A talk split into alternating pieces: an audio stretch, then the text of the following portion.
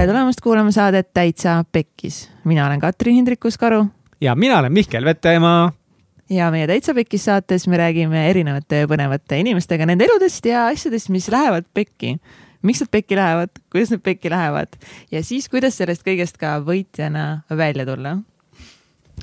ja Kats, Kats, Kats, Kats, kes meil täna saates oli? täna saates oli Mari-Lii Vihman uh, tema on, nagu ma ka saates ütlen, mida te varsti saate kuulda, on see, et ta on üks nendest eh, noortest naistest, kes kuulub sinna kategooriasse crazy'd Eesti noored või hullud Eesti noored või mida iganes. naised on hullud.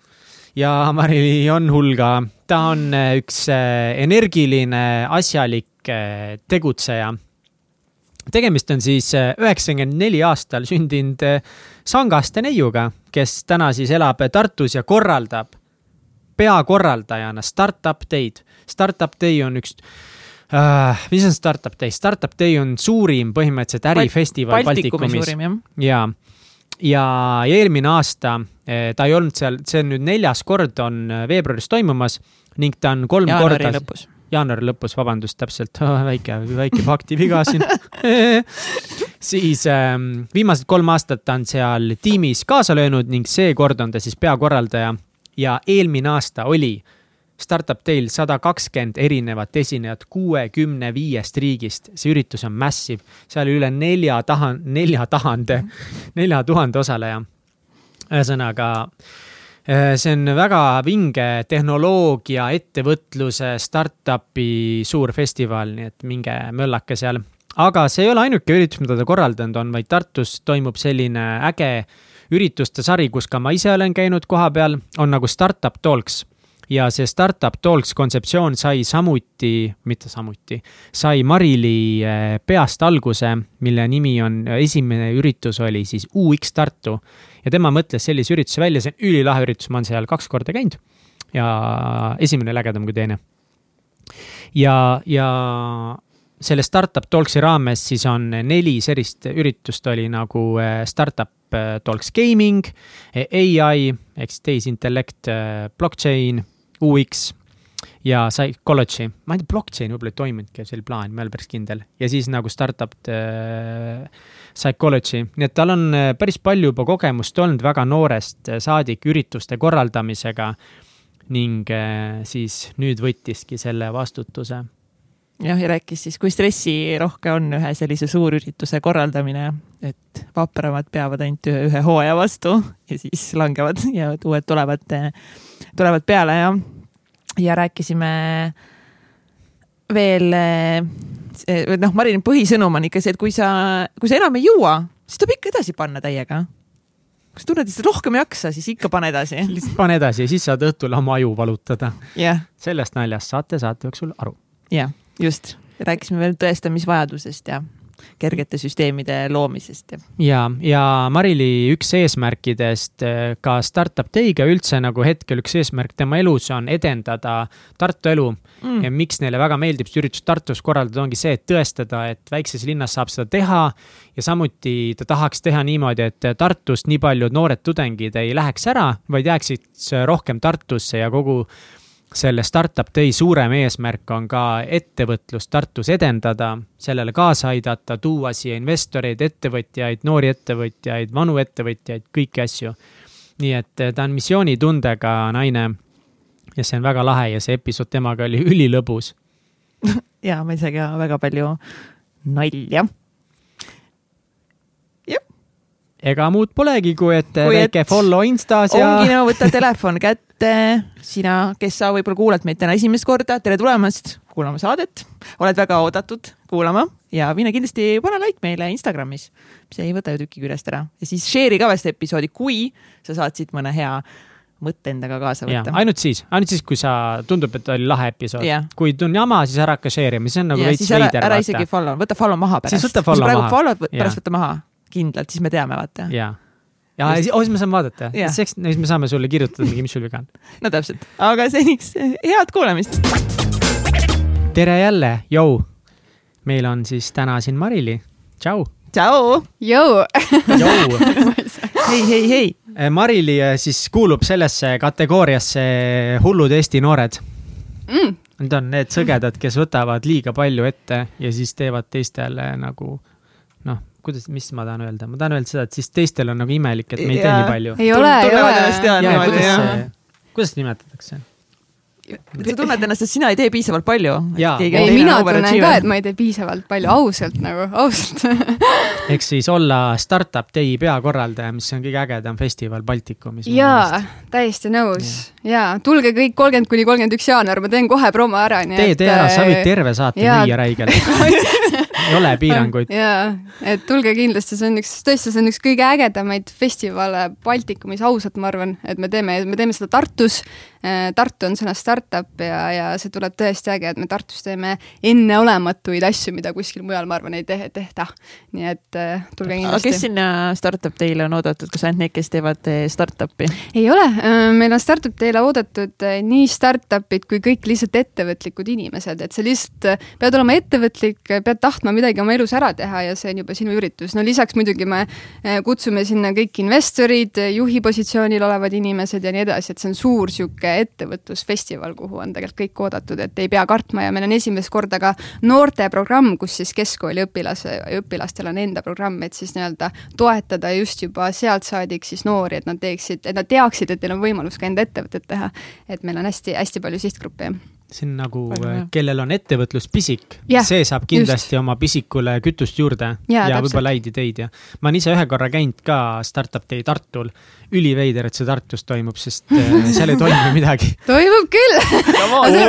seda Metallica Tartus. kontsert oli just Tartus. okei, jaa. ja, ja vot see, aa, muideks meil on Metallica case study on laval see aasta, ehk siis me tegelikult näitame seda, kuidas Tartu pidas vastu Metallicale, ehk siis sellel ajal Smart City Tartu kogus kõik andmed kokku ja nüüd siis seal Startup Day'l esitatakse neid andmeid, et a la palju oli autosid, autosid linnas, palju tehti makseid läbi terminali, kõik data nii-öelda analüüs ja nüüd siis tuleb välja see, mis seal sai ja Mega lahe. hästi äge jah wow.. mm. -hmm. seda tahaks küll teada. jaa, ei no tegelikult mul on ainult hea meel, kui Tartus asju toimub, sest kui te veel ei tea mingil imelikul põhjusel, siis ma olen Tartust pärit. Tartu, Tartu on kodu, Tartu on süda. miks sa siis siin Tallinnas Tallinn on parem koht, kus no elada. Nonii, hakkab pihta. ei, mis, ma ei peida seda, Tallinnas toimub nii palju rohkem ja mina, mul, minul oleks Tartus igav lihtsalt, aga see on südamekoht. aga ma tahtsin öelda nii, sest mulle meeldib rääkida. yes.. minu esimene kogemus, peamine asi, mis mul Startup Day Tartult meelde jäi, üle-eelmine aasta siis või see üle-eelmine kord, jah, oli Johnny Cashi kontsert, sest ma polnud kunagi Tommy jah, Tommy Johnny Tommy, Cash. Tommy. noh, ütleme nii, et minu jaoks ta on Johnny Cash. ma pole teda kunagi enne kuulanud ja ma pole ka vist kunagi pärast seda kuulanud. päriselt või? Vau. Põhimõtteliselt ma ei tea tast mitte midagi ja see oli kõige pöörasem asi, mida ma olin üle pika aja laval näinud. ja see oli ulme, sest see oli kakssada seitsekümmend kraadi projektsioon, mis seal toimis, ehk siis oli, olid nagu video keskel ja, ja see Tommy saamine ja Tommy ajamine sinna üritusele, pluss et sa teed nagu ärifestivali, tood sellise esineja, keda sa näitad ka kõigile väliskülalistele. pärast me vaatasime, et kõik väliskülalised rääkisid, et mis asi see oli, et mis kurat seal toimus nagu. ja siis me mingi parim üldse, parim äftekas üldse, onju. aga jah, see Tommy, Tommy toomine ja Tommy Raideri täitmine ja kõik see, ma olin ise ka päris palju so seotud sellega, et see oli ikkagi ulme, ulme kogemus, et ta on kindlasti üks kõige ütleme nii, kõige hullema Raideriga, ma arvan, artist Eestis no kindlasti ütle ma ei saa nüüd räägi. ei, mis asja. ei, seal oli mõned, mõned nõudmised lihtsalt. viis minutit into podcast'i, juba tuleb, ei, ma ei saa. ei no seal oli, seal olid noh, kõige mingid lihtsamad asjad olid mingid väga eksootilised mingid puuviljad, mida Eestist ei saa, et mida pidi mingi Soomest tellima, onju.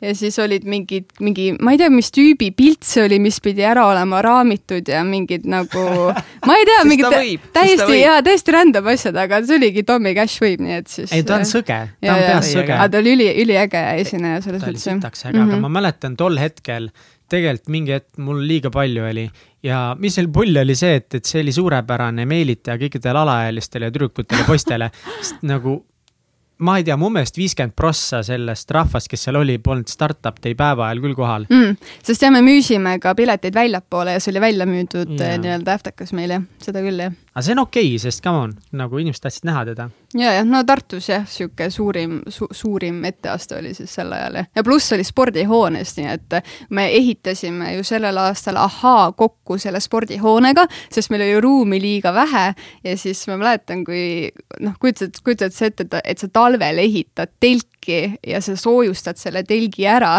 see oli mingi mitusada ruutmeetrit ja ma mäletan, kui me ehitasime seda üles, siis seal tuli välja, et seal olid mingid augud nagu põrandas, me nagu päris põranda ehitasime sinna, sest ei jat-, jätkunud mingeid asju. ja siis, kuidas äh, meil minu majandusteaduskonna professor jooksis Vanemuisesse, et tuua mingeid äh, asju, et see põrand lõpuni ehitada ja see oli nagu noh, sihuke, siuksed asjad, mis meil toimuvad, et mida sa kunagi ei näe ette nagu, aga aga jah, see spordihoone nagu Tomile hullult sobis ja kui ta tegi soundcheck'i, siis ütles, et, et üks kõige ägedamaid äh, kohti, kus ma olen esinenud, sest, sest see spordihoone hõng on nii, nii õige talle nagu jah Tommi Cash peab meile podcast'i tulema. et äh, Tommi, kui sa juhuslikult kuulad meid praegu. Tommi, palun tule Startup Day'le uuesti. Tule meile kõigepealt podcast'i, siis vaatame seda Startup Day'd. ja mul on kontakte küll tegelikult äh, temaga no,. kuule, ma usun, et sul on väga palju kontakte, you contacted no. I contact people, no tegelikult Eesti on nii väike, et Eestis ei ole väga probleemi, aga, aga jah saab hakkama, Eestis saab hakkama. aga kas see Tommy Cashiga läks ka midagi pekki või tema, tema üle, set-up seal ja kõik toimis ei, kenasti? Tommiga oli kõik hästi, lihtsalt jah, see väljakutsuv oligi see Raider, mida me täitsime, noh muidugi me tegime, noh, äge, äge, me tegime Tommile kõik logistikad ära, ehk siis me olime igal pool vastas, võtsime ta vastu, vaata, ja suhtlesime temaga, ta oli hästi, hästi rõõmus kogu aeg et äh, aga jah, sellega midagi pekki ei läinud, et see nagu meil sujus väga hästi, et üritus oli äge eks ma noh, see on kogu selle startup'i raames, sul on päris palju asju pekki läinud ja meil on siin mingi list ka ja me hakkame kõvasti läbi käima, mis on kõik valesti läinud Appikene. ja mis on kõik raske mhm. ürituse korraldamisel yeah.. aga enne seda võiks äkki korra noh, sinust ka rääkida, et üldse no mis asja, kes sa oled? kes ma üldse olen? kes sa üldse oled? peale selle, et sa oled üks väga vinge crazy noor uh, naisterahvas. jah, mu nimi on Marili, tulen Tartust tegelikult ma olen pärit üldse veel Otepää kandist Lõuna-Eestist.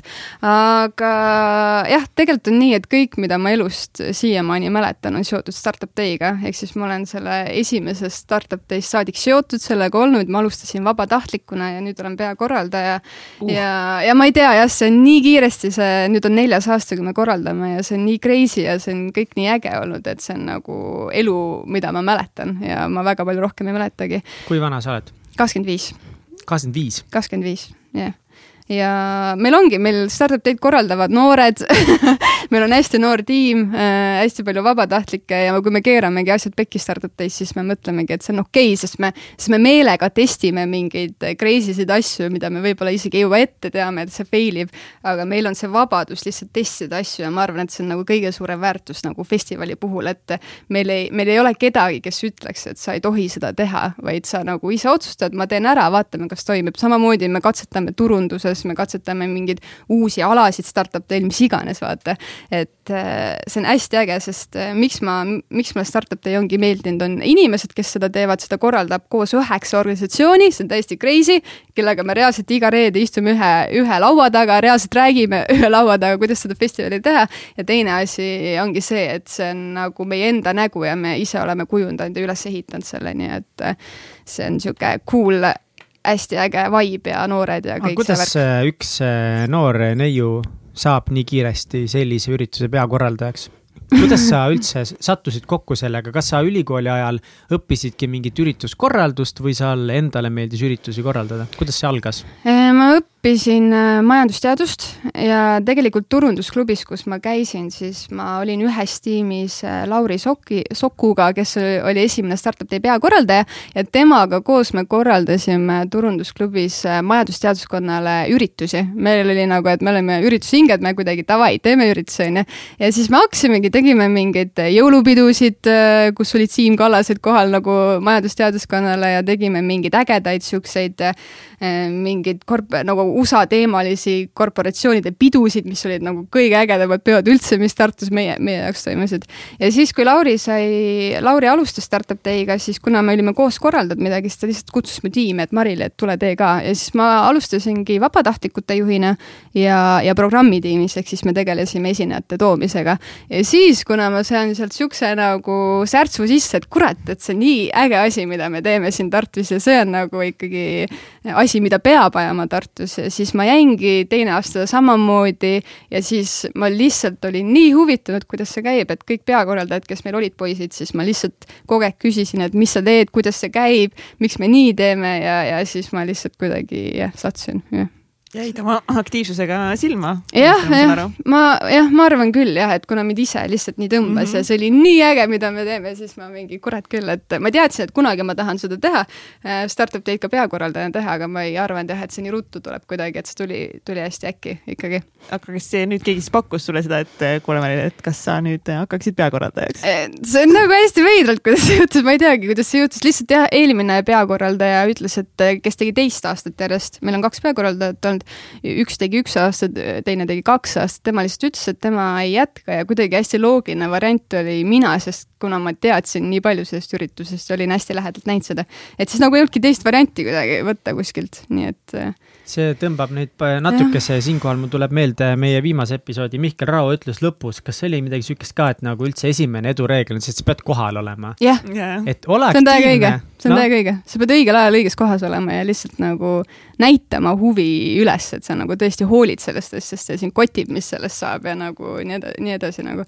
et äh, nii kerge see ongi, midagi rasket ei ole ei olnud üldse tuumafüüsikat või? ei olnud, ei olnud jah, see on aga no. kas sa võtsid siis äh, kergelt selle otsuse vastu, et esiteks esimese naisena seda teha, teiseks väga noorena, kas sa seda ei tundnud, et võib-olla mingid hirm, et issand, et kas äh, on ikka õige, kui startup teid korraldab äh, nii noor inimene, et kas, kas on okei okay võtta nii suurt vastutust? Äh, äkki öeldakse pahasti ja muideks ürituse korralduse juures on kõige raskem asi on kriitika talumine. mina olen niisugune inimene, kes võtab kriitikat hästi südamesse ja ma nagu elan kõike nagu räigelt läbi, et ma ei tea, kuidas teil on, kas te suudate nagu kriitikat taluda, aga see on nagu oskus, mis on nagu üli, üliväärtuslik. aga, oota, mis sa küsisid, et et kuidas ma sain või? või, või mis et ma tundsin? kas sa põdesid ka, kui ütlesid kohe jaa ei, või mõtlesid? ma räigelt põgenesin, ma ikka mõtlesin ka ikka, võtsin nädala võtsin kaks ma ei mäletagi, kuidas see on. ei, aga ikka see vastutus on ikka tohutu, pluss sul on nagu väga palju partnereid mängus ja, ja sa ikkagi vastutad nelja tuhande inimese ürituse eest ja nende, nende kogemuse eest, sa kujundad neile mingit kogemust ja väärtust ja, ja sa nagu loodad, et inimesed saavad endale midagi sealt kätte ja see on ikkagi tohutu, tohutu vastutus, pluss sul on tiim nii suur, et kuidas sa suudad seda tiimi juhtida, kas, kas sa ikkagi oled äh, nii tark ja et sa suudad neid otsuseid õigel ajal teha ja õigeid otsuseid, on ju, et äh, eks äh, ega lihtsalt nagu ära mõtle palju, vaid lihtsalt tee nagu see mu. aga kaua sa siis tegelikult mõtlesid?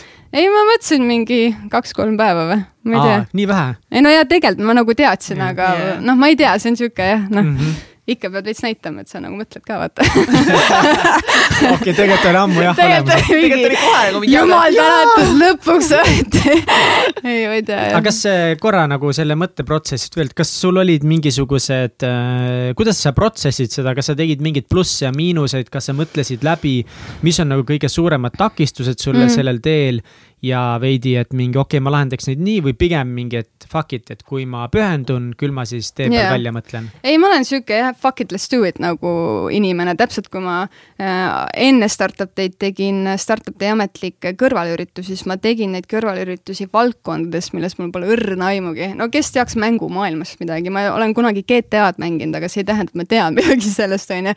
aga, aga see, et sa oled nagu julge ja sa nagu võtad ette ja teed ära, mitte nagu ei raiska seda aega nagu kartmise peale, et oh, et ma ei tea ikka, kuidas ma hakkama saan või noh, mis küll saab ja mida inimesed arvavad, et nagu ma arvan, et see ei ole väga nagu tulemuslik, et sellepärast ma ma nagu ei karda ette, ma lihtsalt võtan ja, ja teen ja kui läheb hästi ja läheb hästi, on väga hästi ja kui ei lähe, siis äh, põed läbi ja lähed eluga edasi, et selles mõttes nagu mis seal ikka nagu teha et äh, jah. põed läbi, jah? jah, nagu nuta, ma ei ole nutma, lihtsalt äh, paar ööd ei maga, mõtled läbi, mis läks valesti ja siis lähed edasi. et äh, et ei jää kinni sellesse hetke, et. ja no mingi hetk, kui see juhtub või kui mingi halb asi, siis sa ikka mõtled, et no kurat, on ju, et kuidas ma nüüd edasi lähen ja mida kõik mõtlevad, vaata ja finantsiliselt oled miinuses ja no ikka päris suur kahju, et mida sa teed, aga, aga lõppkokkuvõttes elu läheb edasi ja, ja räägigi siin äh, üks, ma saan aru, et nii-öelda kogu selle startup day keskkonna või selle kõik, mis selle, seda ümbritseb, sellega seoses üks esimesi suuremaid üritusi, mis sa korraldasid, oli siis Startup Talks Gaming või? jaa, just jah. Räägi sellest äh, ideest ja kuidas see läks siis? jaa, no põhimõtteliselt oli nii, et see ettevõte, kus ma töötasin enne Startup Day'd nimega Contriber, kes on üks kõige ägedamaid ettevõtteid, ütles mulle, et Marili, mis sa tahad siin ettevõttes teha, et ükskõik, tee, mida sa tahad, on ju. ja siis ma mingi, ma tean nagu, mis ettevõte ütleb nii, on ju, siis ma mingi, no kurat, on ju, et ma olen ürituskorraldaja, et teeme siis uue üritussarja, et ma enne seda olin UX Startut juba ühe korra korraldanud. ma nägin, et see UX Start oli nii äge ja et Tartus võib-olla oleks veel nagu turul ruumi mingitele valdkonna spetsiifilistele üritustele. ja siis ma mõtlesingi, et okei okay,, panen siis paika mingid äh, teemaspetsiifilised üritused, mida ma korraldan, on ju, ja siis ma paningi paika, et äh, teeme siis äh, startup gaming'u, mis on mängutööstus, teeme startup ai, mis on siis artificial intelligence, teeme siis UX Start uuesti, see töötab kindlalt, on ju, ja siis viimasena startup psychology, mis on siis asutajate siukse psühholoogiale suunatud.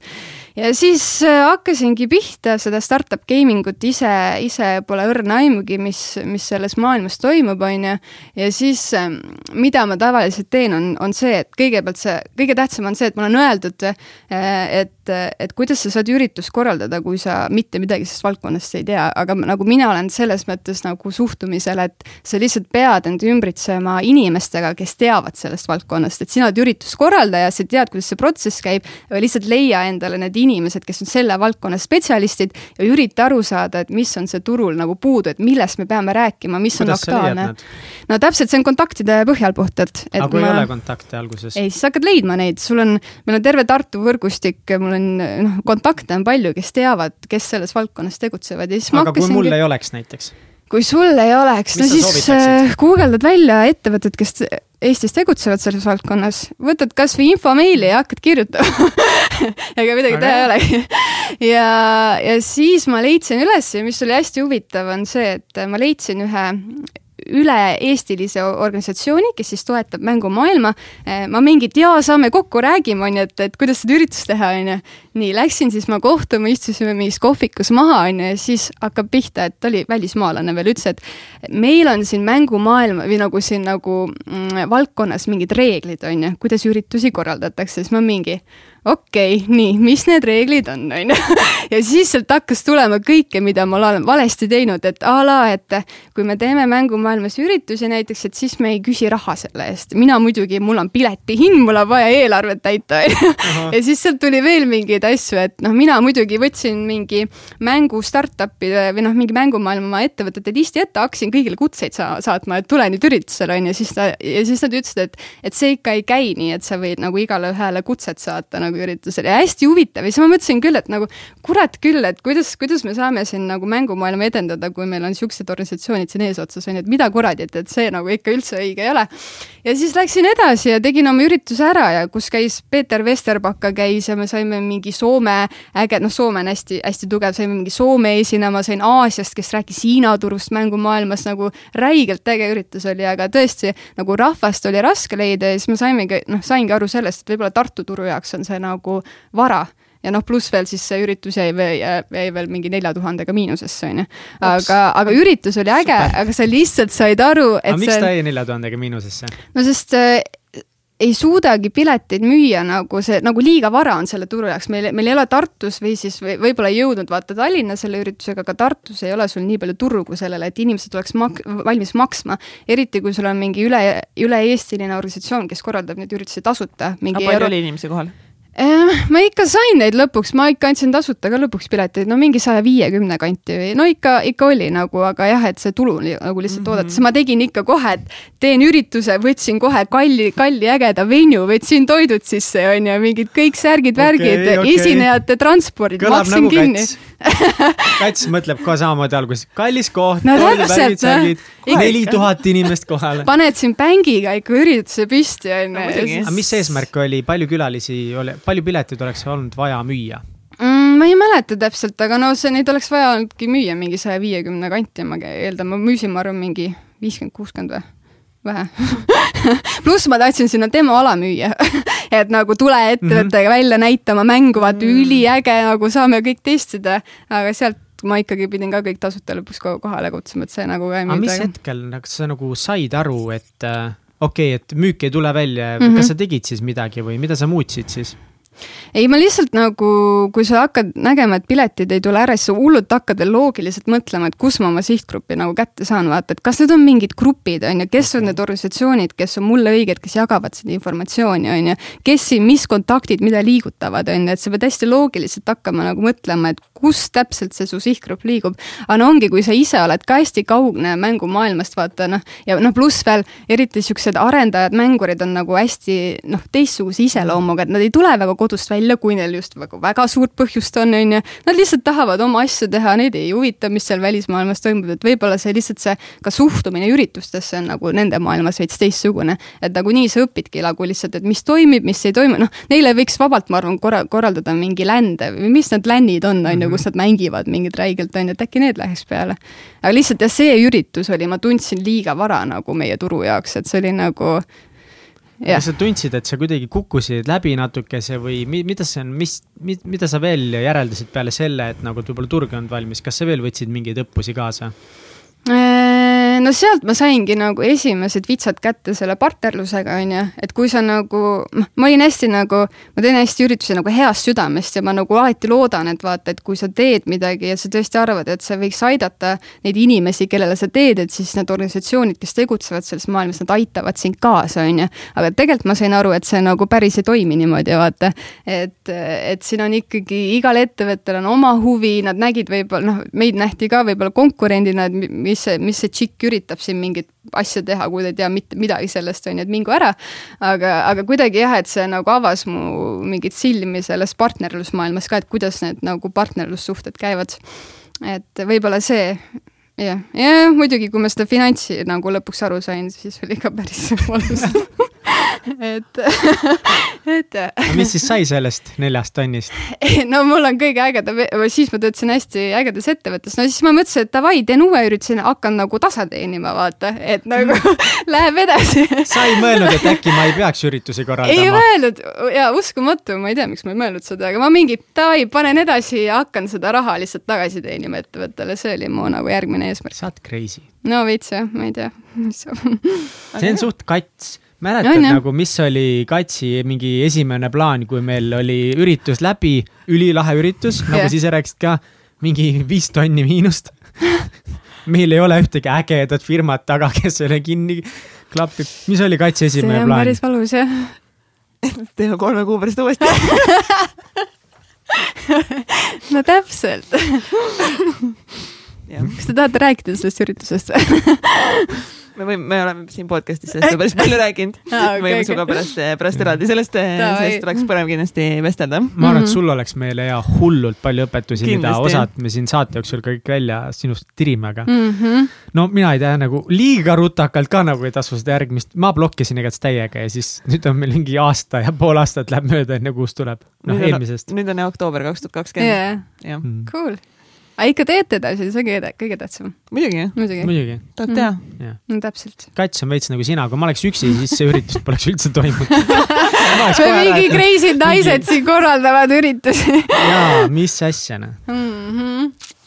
okei okay., oli veel mõni hea õppetund, mis äh, sellest äh, gaming ust tuli? sa juba päris äh, mõned head mainisid ära ka, nii et ma ei tea, kuidagi hästi oluline ongi aru saada võib-olla juba enne, kui sa mingis valdkonnas nagu üritust teed, et tegelikult no ideaalis sa võiks teha seda turu-uuringut, vaata, et tõesti nagu küsitleda inimesi läbi, et noh, et kas see üldse töötaks, vaata, et kas, kas seda vaja teile üldse või kas teil on midagi puudu, vaata, et ideaalis nagu iga valdkonna spetsiifiline üritus nõuaks väga suurt eeltööd, et sa tõesti saaksid aru, et kas sul on mõtet pakkuda või kas seal on midagi puudu, võib-olla ei ole üldse, vaata.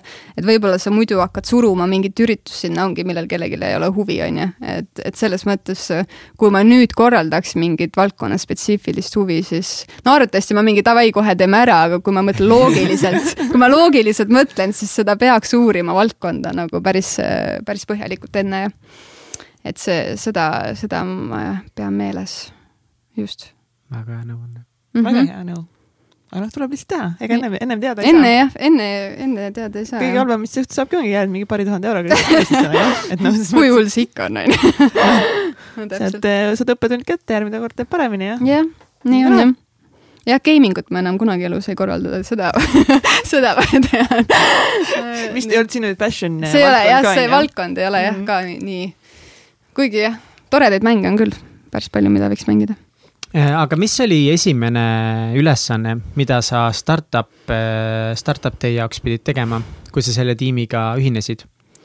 Ma ühinesin, ma olin vabatahtlikute juht kohe, siis ma pidin hakkama värbama inimesi ürituse jaoks, mis kunagi pole varem eksisteerinud ja meil oli neid vabatahtlikke vaja ka juba mingi alla saja või, no ikka see oli nagu suur, suur hulk on ju. siis me täpselt rääkisime, kuidas, kui sa ei ole kunagi üritust korraldanud, siis sa müüd õhku, õhku, seda nagu ei ole olemas, vaata. ja siis sa kirjeldad midagi, mis hakkab juhtuma, aga sul pole õrna aimugi, kuidas see tegelikult nagu välja näeb, on ju.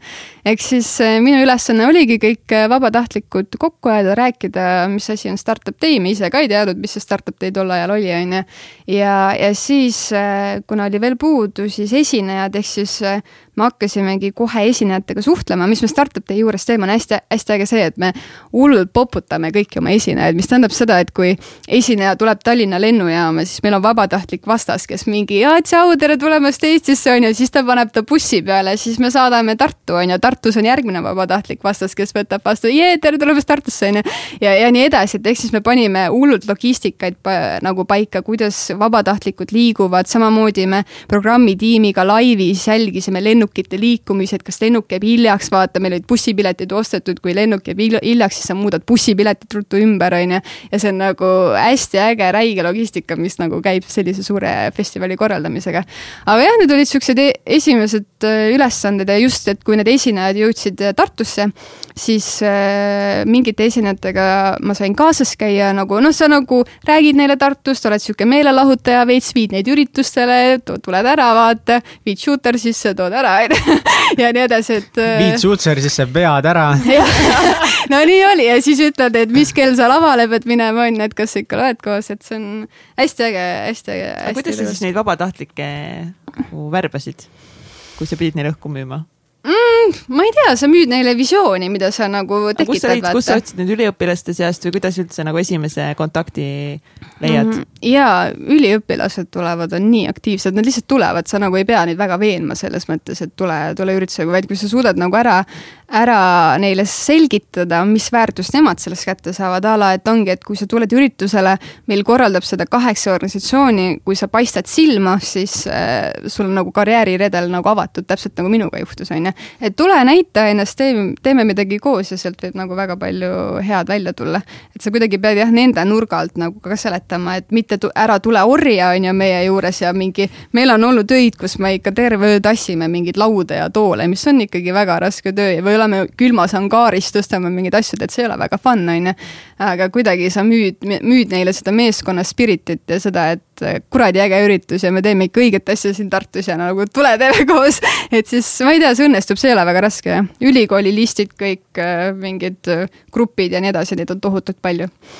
et see tuleb kergelt jah. aga kuidas sa motiveerid seda meeskonda siis ühise eesmärgi nimel töötama, et kas sa saad nendega kokku iganädalaselt, igakuiselt, teil on mingid Facebooki chatid, kuidas te oma, oma Äh, ja vabatahtlikutega on ja alati see, et sa pead nendega kokku saama, meil on vabatahtlikute miitingud, kus sa seletad neile, mis on startup day, mis hakkab juhtuma. Ja, ja hästi oluline on see, et see inimene, kes seda eest veab, tal peab olema tohutu energia ja särts, vaata, sest kui sa seal ees ära kustud, siis keegi ei usu enam sinusse. et see, need, need inimesed, kes neid tiime ja, ja vabatahtlikke eest veavad, peavad olema nagu kõige suuremad visioonikandjad üldse nagu, sest muidu kukub see kõik kokku. aga jah, vabatahtlikutega sa pead lihtsalt tegelema, sa saad kokku, sa räägid nendega, üritad leida sponsoreid, kes annaks mingit nänni neile, on ju. meil alguses oli null asja, nüüd me üritame juba sponsoreid leida, on ju. aga lihtsalt hästi oluline on teada, et me ei nimeta neid ka startutis vabatahtlikuteks, vaid sa oled tiimi osa, et sa oled tiimi liige, vaata mm.. et see on hästi-hästi oluline nagu vahe tegemine, et äh, jah, jah. tiimiliikmed, aga kui kellelgi mott alla läheb, mis siis teha? Noh, meid on nii palju seal õnneks, et kui keegi vajab puhkust, siis me võtame uue peale ja küll see uus teeb ära, vaata. Et meil on küll seal olukordi, kus on nagu päris siuksed rasked ajad, aga noh, mis sa ikka teed, ütled, et lähme edasi, meil, meil on see ütle, ütlemine nii-öelda startup days, et kui enam ei jõua, siis tee lihtsalt edasi. Ja nagunii me lihtsalt lasemegi seal ja, ja pärast, pärast pidutseme ja meenutame neid raskeid aegu koos, mis me läbi elasime ja, ja see tiimi, tiimitunnetus ongi kõige olulisem ja rohkem tegelikult ei olegi vaja. vot.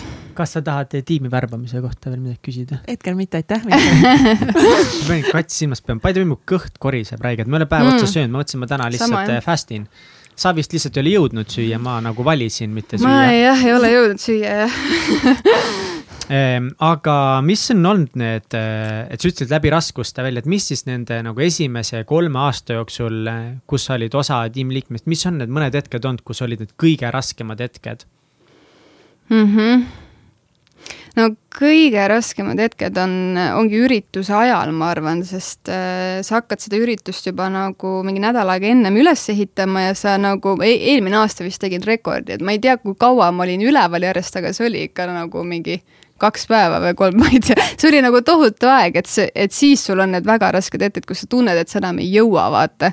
et sul on nagu. mida, kirjelda natuke lähemalt, mida, mida te tegite, mis mõttes nädal aega? no põhim-, no me, noh, see nii-öelda venue ehitamine no, oleneb, kus sa seda mm, üles ehitad mm, -hmm. on ju, aga me veame asju, me teeme mingi update ime programmi, meil on minutilised briefid, mis jooksevad, siis update'id neid, siis sa vaatad, et kõik alad jooksevad, vead asju jälle, hästi palju on asjade vedamist mm, -hmm. sest kui sa korraldad seda, noh näiteks kasvõi Tartu Ülikooli spordihoones, mis on tühi, see on põrandapind, mitte midagi ei ole, siis kujutad ette seda logistikat, mida me sinna kokku veame.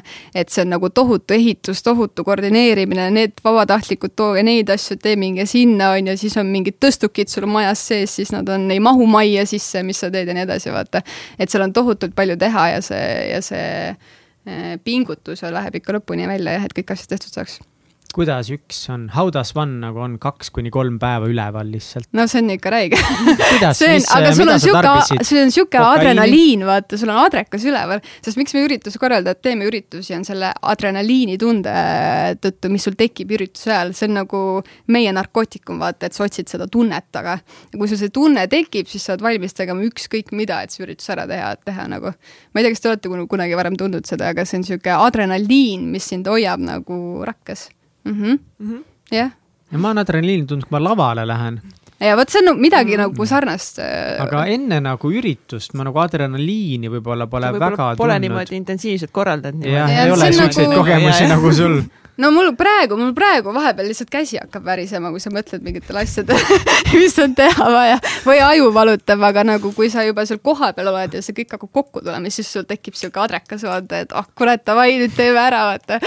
et see on see õige tunne, mida me taga otsime. ja kas see üritused on muidu algusest peale, kogu korraldus on sujuvalt läinud või on mingeid asju katki ka läinud? ei, ei, meil on ikka vussad juba kõike juhtunud. no meil on, no mingeid liste siin üles ka, mida rääkida on, ongi oh, näiteks võta kohe list ette. meil on, no näiteks meil on iga aasta, eelmine aasta saime esimest korda tööle registratsiooni, ehk siis meie pea, eelmine peakorraldaja mõtles välja live printimissüsteemi, vaata, et me ei prindi kõiki kaelakaarte ette, vaid meil on siis printerid koha peal ja meil on üle wifi töötavad, on ju, live andmebaasid ja nii edasi.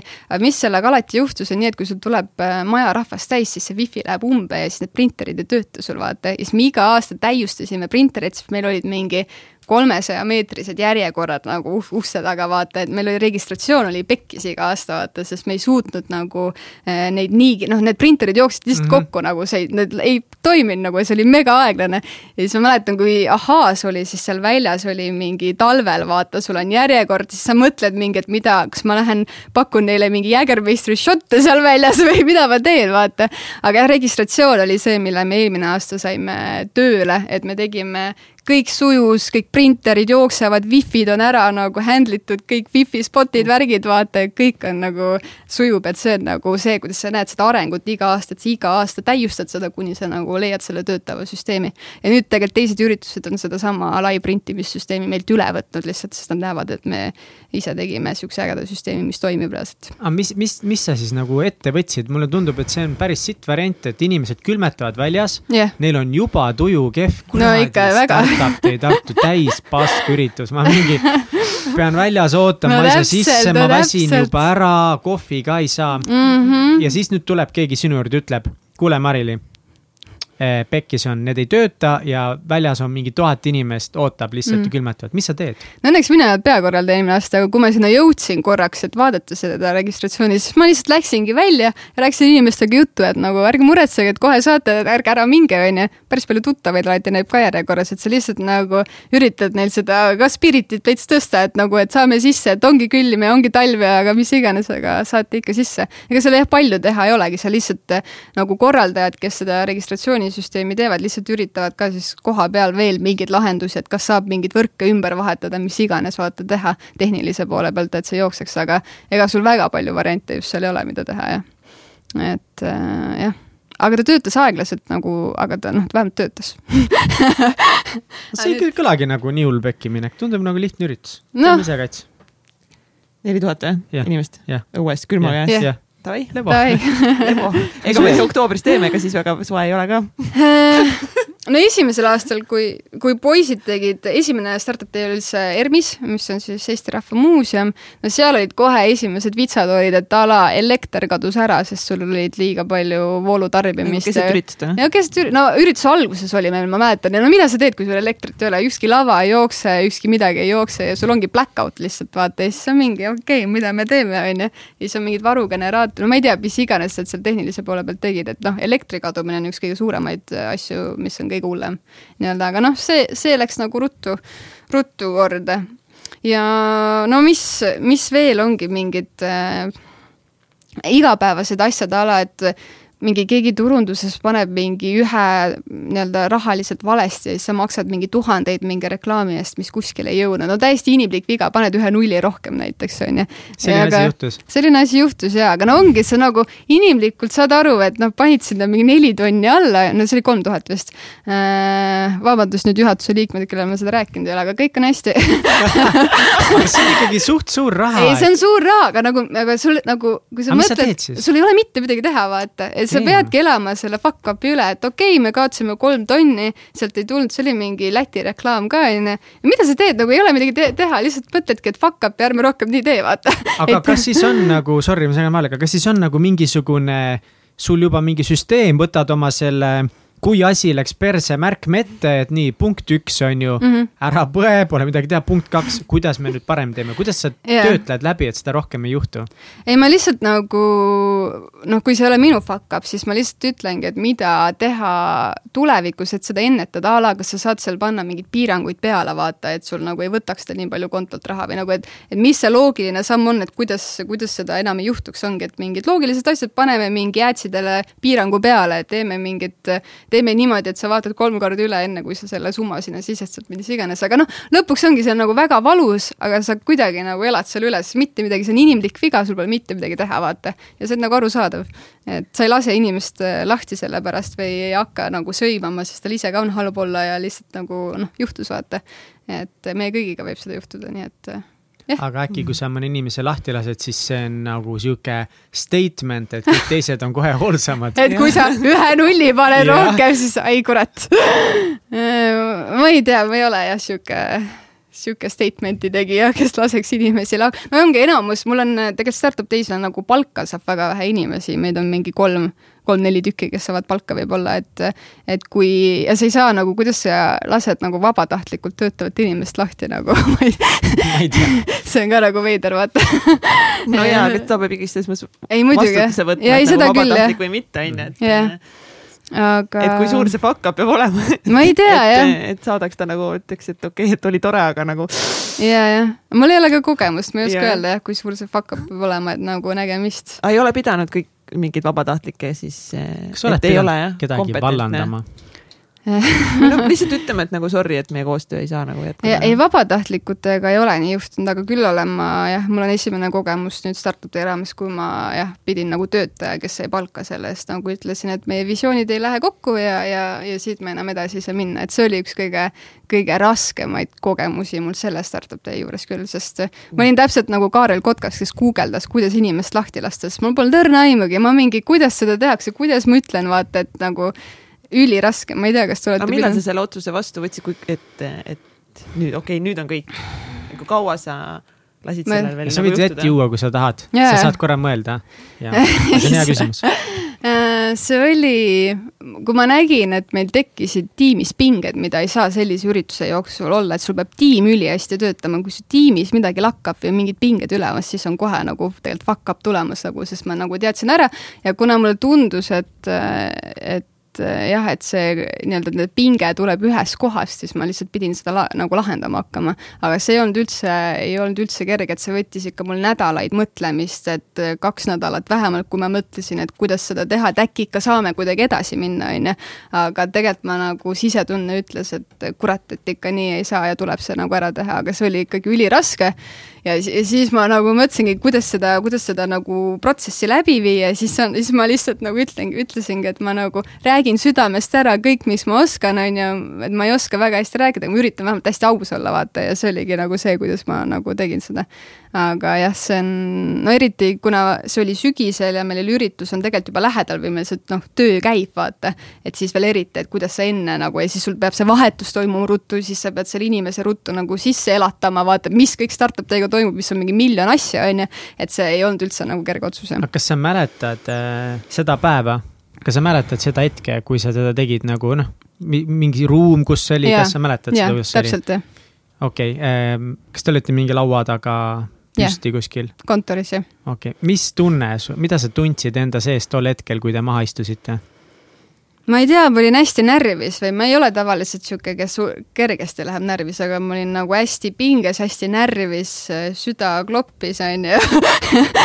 et, et see oli jah, hästi teistsugune kogemus, mul ei ole kunagi sihukest nagu sellepärast sihukest tunnet või noh, oligi hästi-hästi sihuke halb oli olla ja kuidas sa nagu murrad nagu mingi tee, no ongi, et see nagu rikud kellegi teise inimese nagu mingi unistuse ära või noh, ta ise oli ka hullult nagu äh, meeldis startup, ta ei tahtis kõike teha, tal oli nagu sihuke usk, vaata, ja siis kuidas sa nagu ütled sellele inimesele, et nagu äh, ei, et see nagu eluetapp on läbi nüüd ja tee midagi muud, on ju. kas ta nägi seda tulemas? mm, ma ei tea, ta nagu ütles, et vist ei näinud, aga ma ei, ma ei tea jah, see oli jah.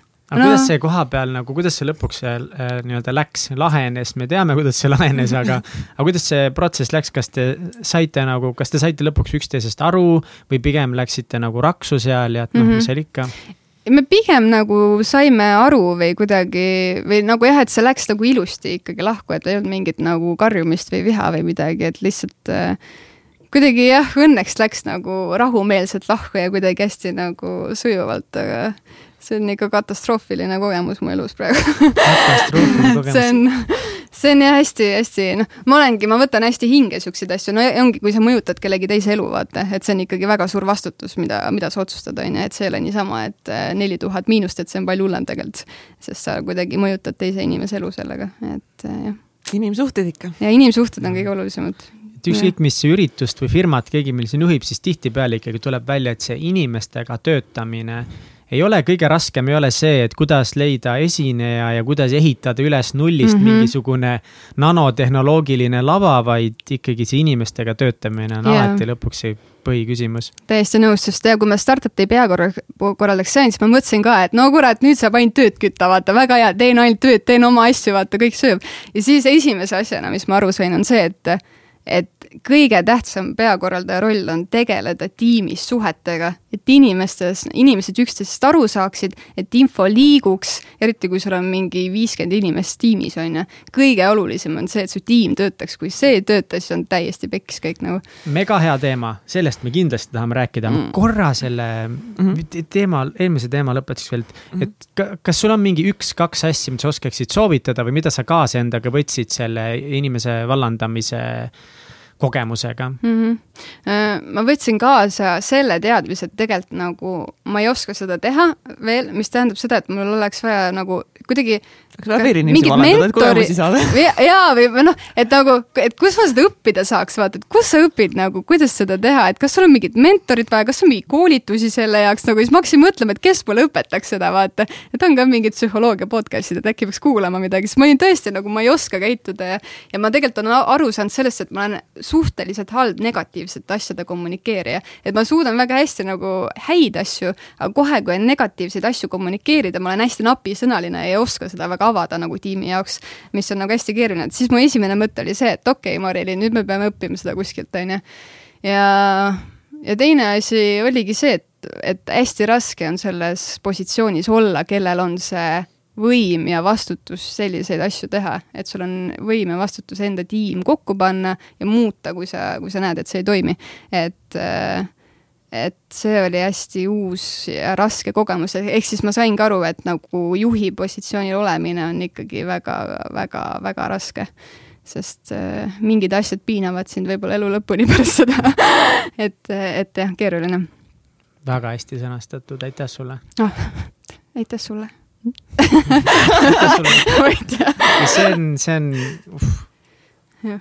ju smart ähm,. nii, aga tiimi inimeste juhtimine, et siis tuli välja, et kui sina oled äh, peakorraldaja, siis see ei tähenda seda, et sa korraldad kõige rohkem kaste ühest nurgast teisse üksi ära. vean ise neid kõiki asju. ja tegelikult öeldakse, et hea korraldaja on see, kui sa ürituse ajal näiteks ei pea ühtegi asja tassima kuskilt, vaata. ega tegema midagi no. täpselt, see oleks nagu ideaalne, onju, aga seda kunagi ei juhtu. see juhtus see juhtus sul või? mm. -hmm. päriselt? Mm -hmm. sa pead mind ka õpetama, ma ei usu, et mul see juhtub. oleneb, kas see on su eesmärk. No ideaalis see võiks, aga Jah. ma olen kuidagi, ei suuda, ma ikka vean asju, kui vähegi saab. ja, ja asju ma vedasin küll, aga ürituse ajal. Ürituse ajal, oli, oli mm. nagu eesmärk see, et ma ei pea mitte millegi Ja, pärast ja. muretsema. ja ma saan nagu küll. suhelda ongi esinejatega nagu noh, chit-chat ida ja, ja. külalistega olla kohal, et see nagu õnnestus sada protsenti ja ma olen nii tänulik kogu tiimile, kes võimaldasid seda, Ja, et ja. see sai niimoodi toimima, aga ürituse alguses ikka tassisime kaste Ja, ja, ja. ja öösel printisime Ja. veel vaata, äkki kell neli öösel printer läks katki ja Ja. ei, noh. Kats ja Egert olid ikka need, kes olid kõige kauem üleval ja tegid selles mõttes ikkagi no kõige rohkem seal mm, Mhm. -hmm. aga, aga see oli pull jah, et see kukkus sul kuidagi välja, nii et ma olin räigelt skeptiline Jah. mingi, mis asja, sa kavatsed terve live show istuda tooli peal ja ajada juttu inimestega või meil on üritus, mida korraldada, ma olen laval, ma ei saa sittagi sealt teha. ja, sa pead mingi jooksma, sest mina no,. lihtsalt jookse ringi, ükskõik tee midagi, lihtsalt jookse ringi. ma mõtlesin, et see ongi nagu oluline, et sa pead lihtsalt jooksma, et isegi kui sul midagi teha ei ole, et sa nagu jooksed või midagi. no mina ei tea väga õige. aga siis ta nagu seletas, et see ei ole nii, siis ma olin hullult nagu skeptiline, aga et no ma ei tea, kui nii saab, et ja noh, Lotta on ju.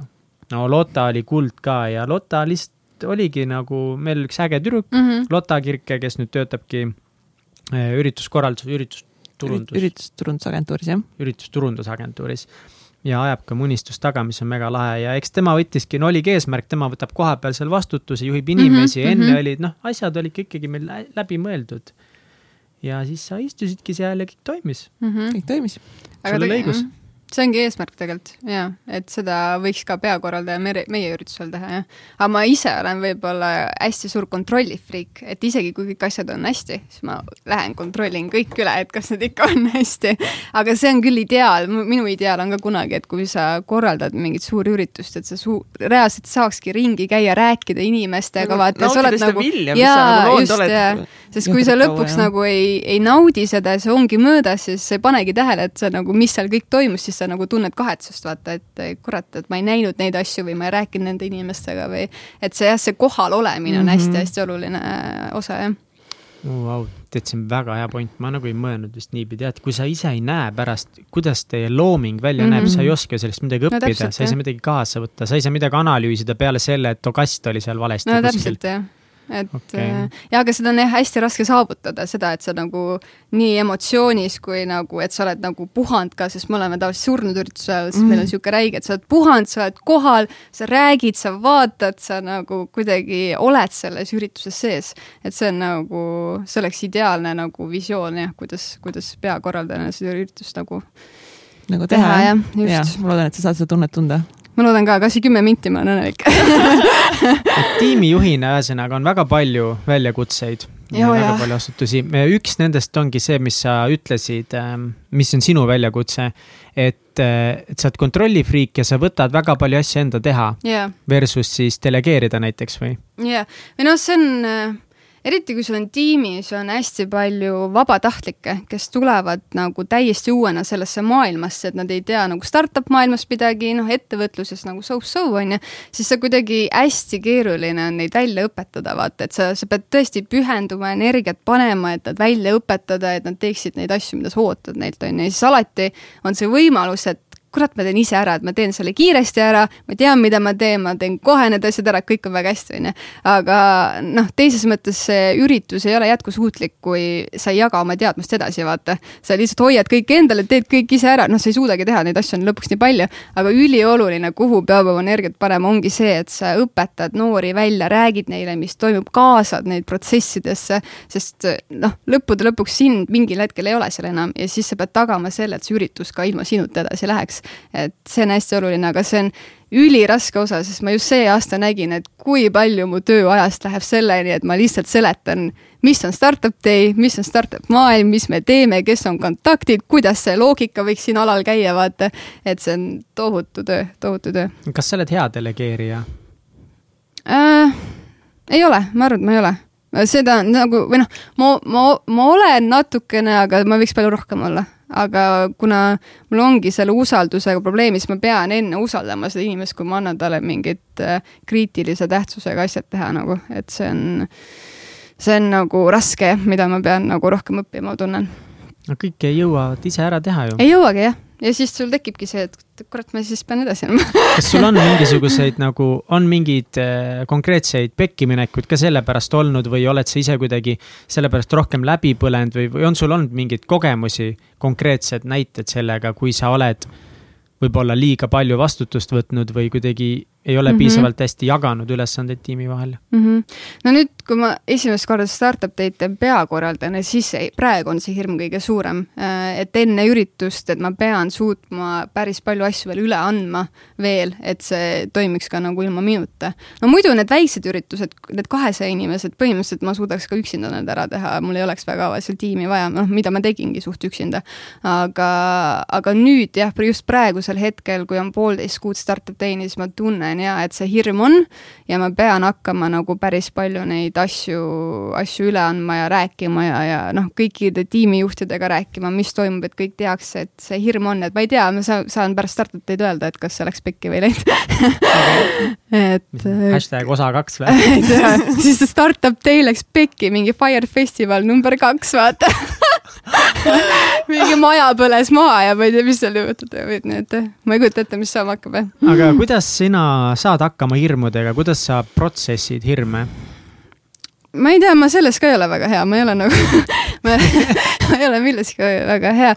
Um, ma lihtsalt kuidagi, mul on see, et kui ma kardan midagi või kui ma mõtlen, siis ma lihtsalt ei maga. mul on see, et ma olen õid üleval ja ma mõtlen mingitele asjadele. ja ma ei, nagu, ma olen väiksest saati nagu, mul on eluaeg olnud magamisega probleemi, siis ma olen õpetanud, et ma ei lähe paanikasse, ehk siis samamoodi, kui ma neid hirme öösel üle elan, siis ma ei lähe paanikasse, vaid ma lihtsalt mõtlen ja nagu sünteesin neid. aga need hirmud on, no täpselt nagu ma rääkisin, mul just viimasel ajal on hakanud see tegema, et kui sul on viiskümmend asja korraga, kõik helistavad, siis mul hakkavad käed värisema näiteks, sest sul on nagu adrenaliin üleval ja siis sa mõtled, et mida ma nüüd teen, on ju. et see on niisugune huvitav asi, mis on juurde tulnud. aga no huvitav asi.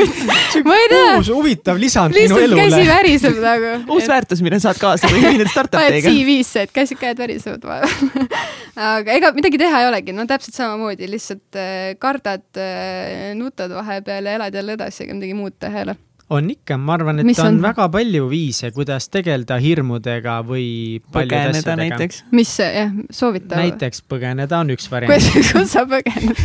põgened ära, sa paned pea padja alla. aa, nagu selles jah. mida mina olen elus korduvalt kasutanud, on pohhuilüliti. Et äh, sa vajutad pohhu lülitit ja siis ma olen, mul on pohhu, mul on pohhu, mul on pohhu, mul on pohhu, mul on pohhu.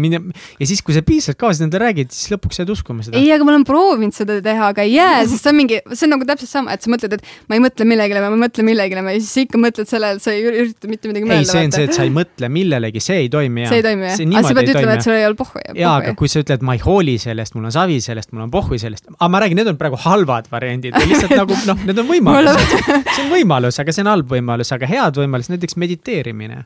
Jah, see, ma ei ole kunagi seda proovinud, ma nagu tunnen, et see ei ole minu ting, aga samas ma ei ole proovinud, vaata, et ma ei tea. Et ma võib-olla peaks tõesti proovima, sest mul lihtsalt aju va va valutab kogu aeg, et võib-olla peaks seda proovima. kirjelda seda tunnet või seda asja, mida sina nimetad, sul aju valutab. aga see on nii veider tunne, teil ei ole kunagi olnud, nagu magad voodis onju ja siis mõtled viiskümmend asja, mis sul on tegemata onju ja siis hakkad mõtlema ja siis sa tunned, et sul nagu mitte kolp ei valuta, vaid sealt, sealt nagu aju sees nagu sa näed seda visua-, visualiseerid seda aju endale ja siis sa näed, kuidas see nagu valutab ja see on nagu, see on nagu, ma ei tea, see on nagu enneolematu tunne, ma ei tea. Mis sa siis teed? ma ausalt ei tarbi midagi, lihtsalt kommentaar. Äh, lihtsalt siis sa valutadki aju ja see ei lähe üle, siis sa lihtsalt valutadki aju nagu siin ei ole mingit. tšau, Marili, mis, mis täna õhtul teed? kuule, ma lihtsalt valutan aju täna õhtul ja siis sa valutadki lõpuni ära, vaata, kui enam ei valuta ja siis see läheb üle. kas seal on lõpp? lõpuni ära? ei, see lõpp on mingi on. hetk jaa, aga see nagu periood tundub ikka kuradi pikk, kui see valutab et see ikka valutab et see on hästi valus, hästi valus mm. -hmm. Siuksed lood meil aju valutamisest. kui te kunagi tunnete, siis rääkige mulle ka, siis me saame võrrelda ajude valutamist. Ah, ma olen vist pea, ma eks ma ikka peaaegu midagi sarnast, ma noh, niimoodi ma ei ole tundnud mm., aga ei mõnikord, kui palju asju korraga käib, siis mm -hmm. on, ma nagu pigem tunnen niisugust nagu survet, et äh, nagu mingisugused äh, esemed suruvad mu keha kokku. või nagu, et, et näiteks noh, nagu mingi betoonsein surub vastu mu rindkere kõvasti. et kui väga palju asju korraga on ja väga palju asju, siis ma tunnen pigem seda okay., sihukest nagu survet. see on ka huvitav. aga õnneks harva, ei ole palju just olnud mm. -hmm. Mm -hmm teen liiga vähe. kõlab ägedalt. rohkem pinget endale kaasa. valutanud, siis, siis sa tead, et sa teed elus liiga vähe äkki on hoopis mingi Alžeimer või ma ei tea, mis siit välja tuleb nii, aga kuidas me siis nagu lahendame selle ära, mina soovitan proovida mediteerimist, aga on mm -hmm. veel soovitusi? Kats, mis sa soovitaksid? ma arvan, et mediteerimine, eriti kui sa seda proovinud ei ole. Te olete proovinud kõike, mõlemad või? jaa mm.. okei proovin ka ma käin trennis, siis see on nagu mm., aga, teate, kui raske on trennis käia, kus sa pead mingit koordinatsiooni tegema ja siis sa mõtled samal ajal, vaata, tööasju ei saa välja. see on siis sa mingi vaatad paar sekundit hiljem, teed hoopis teist asja, mis teised teevad, vaata. ma ei tea, kas teil on nii nagu, sest sa lähed trenni selleks, vaata, et nagu välja lülitada. mis trenni sa lähed? no ma käin nagu noh, rühmatreeningutes, kus need naised käivad, onju. ja siis, kui sa teed mingit steppi või kus on nagu ikka nagu koordinatsioonid, vaata, ja siis jääd mõtlema mingit asja ja siis on nagu päris piinlik ikka vaatad, et sa üksi teed mingit täiesti rändab asja, mida teised ei tee. siis sa mõtled küll, et kurat küll, et mida ma teen, vaata oma eluga, et kas peaks ära minema või üritad ikka jätkata, aga hästi raske vahel nagu välja lülitada aju, et ma peaks või noh, et mingit kuidagi, et see nagu ära mõtle nagu tee nüüd midagi, keskendu mingitele teistele asjadele. et see on nagu päris äh, keeruline mu jaoks ju kas on midagi, mis tekitab sinust väga ebamugavustunnet startup tee korraldamise puhul? oh, oh, oh, oh, neid on päris palju äh, ebamugavust tekitab mul mingid alad, milles ma ei ole nii hea nagu, aga mis on startup day osas hästi olulised, no näiteks produktsioon. et äh, kus on hästi tehnilised aspektid nagu tõesti väga tehnilised ja siis sa kuidagi, kuna ma ei ole nagu nii, noh, ma olen päris palju õppinud aastatega, aga kuna ma ei ole ikkagi nii hea, kui ma tahaks, siis ma ikkagi kardan ja tunnen ebamugavalt ja sellepärast ma üritan kaasata sinna inimesi, kes teavad sellest nagu palju rohkem, on ju aga noh, ebamugavust ikka nagu mingid äh, rasked partnerid, kellega siis ikkagi noh, startup teil on mingi kolmkümmend pluss partnerit on ju, et hästi palju on partnerlussuhteid. ebamugavust tekitab see hirm, et kas meil piletitulu tuleb ära, kui sealt jääb mingi kümme tonni puudu, siis see on ikka päris suur auk on ju äh, no neid jah, kohti on ikkagi palju või ongi nagu kas sa ikka saad mingi kõige ägedama esineja kohale, kes tõmbab seda rahvast sinna kohale või see jääb nagu sihuke so-so'ks on ju, et neid hirme on jah, ja sihukest ebamugavuskohti on hästi palju, sest äh, enne üritust jaanuaris toimub nagu kõige, kõige suurem business meil üldse on ju, aga enne jaanuari sul on kõik need kahtlused, et mis seal jaanuaris hakkab toimuma, sest sa kunagi ei tea. Business seal, sa pead siis silmas, et kõige rohkem hakkate müüma pileteid? jah, nagu piletitulud hakkavad tulema, siis äh, rahvas, noh, ongi esinejate veel viimased kinnitused on ju, et kas ta tuleb, ei tule, kas mingi peaesineja saad saad, ei saa, on ju. kas sa saad programmid ilusti kokku, kus sul midagi puudu on, kas tehniliselt jooksevad kõik asjad, on ju, ja nii edasi, et neid detaile on ikkagi väga-väga palju, mis jaanuaris peavad paika saama. ja siis sa mõtled, et sul on ainult jaanuar selle jaoks, et see on nagu jah, vähe. et kui kõik peavad uusaastapidu, siis ma arvatavasti lihtsalt, lihtsalt mu uusaasta soov on, et ma loodan, et Startup Day ei läheks täitsa pekkis ja kui ei lähe, siis on juba hästi. nii et enamus pileteid ostetakse viimase kuu ajaga? jah nii see on, no see on alati, te olete ka üritust korraldanud, et see hirm on vaata ongi ja arvatavasti ka enne üritust vai on see kõige suurem, aga meil on jah, tohutu, tohutu kasv jaanuaris just piletimüügis. Okay.. aga praegu on piletid müügis juba? ei, ikka ammu jah, ammu, ammu jah.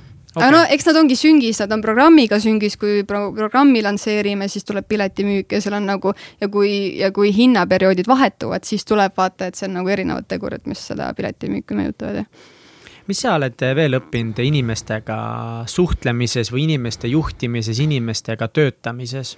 nüüd nagu juhina ja ka kõrvalt mhm. vaadates mm -hmm. teisi juhte. ma olen hästi palju nagu näinud või seda, et et äh, kõige olulisem on see, et sa teeksid, et sa nagu hea südamega teeksid asju, sest ma olen nagu näinud äh, mingeid inimesi, kus ma nagu ei näe seda, et nad teeksid nagu südamega asja või kuidagi heatahtlikult asju. et minu, minu jaoks on ülioluline see heas usus töötamine, vaata, et kui sa teed mingit koostööd kellegagi või sa teed tiimis mingeid asju, et sul on nagu see hea usk või see kuidagi nagu mitte, et ma lähen kuidagi kriitiliselt peale ja hakkan nagu peenestama, et mis, mis kurat see startup day on ja teil on nii palju sihtrühmi, te ei tea, mida te teete ja, ja mis see programmis see tüüp teeb, ta ei tea mitte midagi, on ju, et hästi palju on niisuguseid nagu eh, kriitikuid, kes ei ütle seda nagu sellepärast, et nad tahavad nagu head kriitikat anda, et seda parandada, vaid pigem tahavad siin nagu maatasa teha. et nad on nagu kaks erinevat asja, et ma olen nagu jah, ise nagu kuidagi teinud endaga pakti, et kui ma teen midagi, siis ma olen hea südamega ja ma teen heas usus neid asju. et see, see on hästi oluline mu jaoks. aga mis veel tiimis nagu juhina mm? -hmm ma ei tea hästi,, hästi-hästi kuidagi oluline on inimestele õpetada loogikat, et tegelikult ei, see on nagu tundub veider, aga sa nagu pead ütlema. ei ole üldse veider, ma saan väga hästi tead, aru. sest ja. sa pead ütlema lihtsalt talle, et mõtle loogiliselt, sa tead seda vastust ise, sa ei pea minult küsima seda, lihtsalt korraks istu ja mõtle, vaata. et ma olen hästi palju tiimis näinud seda, et kus inimesed kiirustavad, nad, nad ei kontrolli fakte üle, nad lihtsalt lasevad, vaata, ja siis sa tahaks öelda, et kuule, nagu rahu, jää seisma, mõtle korra, mõtle see läbi mõtle loogiliselt, mida sa teeksid, on ju, ja tee siis, vaata. et hästi paljud on siuksed või noh, mida ma olen märganud jah, et nad nagu teevad liiga kiiresti, ei mõtle üldse läbi ja siis ma üritangi nagu ütled nagu mõtle loogiliselt, siis teeme ära, on ju. et eh, kuidagi jah, see pead selle eraldi välja tooma vahepeal, et, et see, et nagu jah. kuidas sa tood seda välja või kuidas, kuidas anda inimestele tagasisidet, kuidas sa konkreetselt nagu teed seda mm? -hmm. vot selles ma ei ole ka väga hea, ma olen nii palju ma, ma ei ole üldse nendes asjades nii hea, aga jah, mul on noh mul on ka praegu tiimis mingid inimesed, kellele ma ei ole väga niisugust otsest nagu tagasisidet andnud, noh, võib-olla ongi see, et ma väldin neid negatiivset kommunikatsiooni, nagu ma ütlesin, vaata, et ma ei oska seda väga hästi teha, et ma üritan seda vältida, on ju. aga kui sa lihtsalt istud mingite liikmetega maas, siis sa peadki lihtsalt räägima selle protsessi nagu nullist läbi ja siis sa lihtsalt nagu räägid temaga läbi, kuulad, mis ta arvab ja, ja nagu kõrvalt nagu toetad ja juhid teda kogu aeg, lihtsalt, et kogu aeg, et teeme nullist selle läbi, mõtleme kõik detailid läbi, paneme kõik kirja, on ju.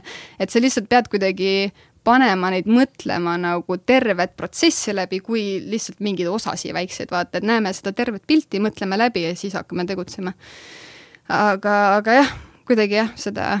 ja sa saad nendega kokku, istud maha, võtate mingi paberi ja, või niimoodi mööda minnes püsti kuskil nurgas räägid? ei, meil on hästi palju, ma, mu enamus päeva koosneb sellest, et ma teen mingeid kohtumisi tiimiliikmetega mm., kelle me reaalselt istume ja räägime mingeid asju läbi ja lihtsalt jah, võib-olla ma ise tunnen, et ma peakski, peaksin ka kuidagi rohkem väljendama seda, et tee mingeid asju, noh no ongi, mõtle loogiliselt, lihtsalt nagu ütleme seda nagu välja võib-olla rohkem, et ma panen võib-olla ümber nurga neid asju, et ma ei taha nagu kuidagi hullult sihuke diktaatorlik peakorraldaja kes ütleb, et teeme nii, vaata. Et, et kuidagi jah, ma teen neid võib-olla liiga palju neid asju ümber nurga jah, et tahaks kuidagi otse, otsekohesemalt.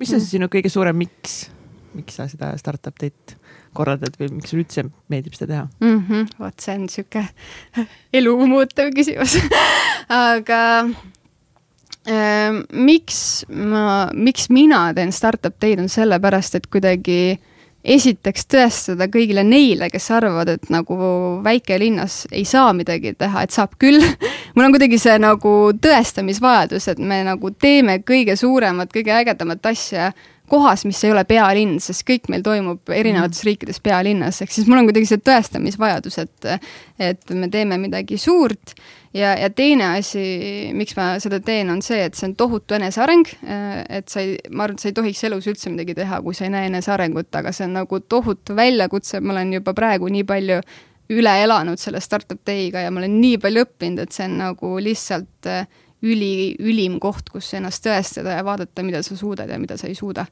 et, et jah, see on see koht, aga see on startup day peakorraldajaks olemine on üks kõige stressirohkemaid, ma arvan, üks töökohti, mis saab olla nagu, et see on nagu sellises pinges, ma ei tea, kas ma suudaks nüüd teist aastat teha, sest see pinge, ma juba suvel kartsin, mis me teeme, mis saab, vaata, et sul on nagu aasta aega on kont-, konstantne nagu hirm kuidagi ja väike paanika.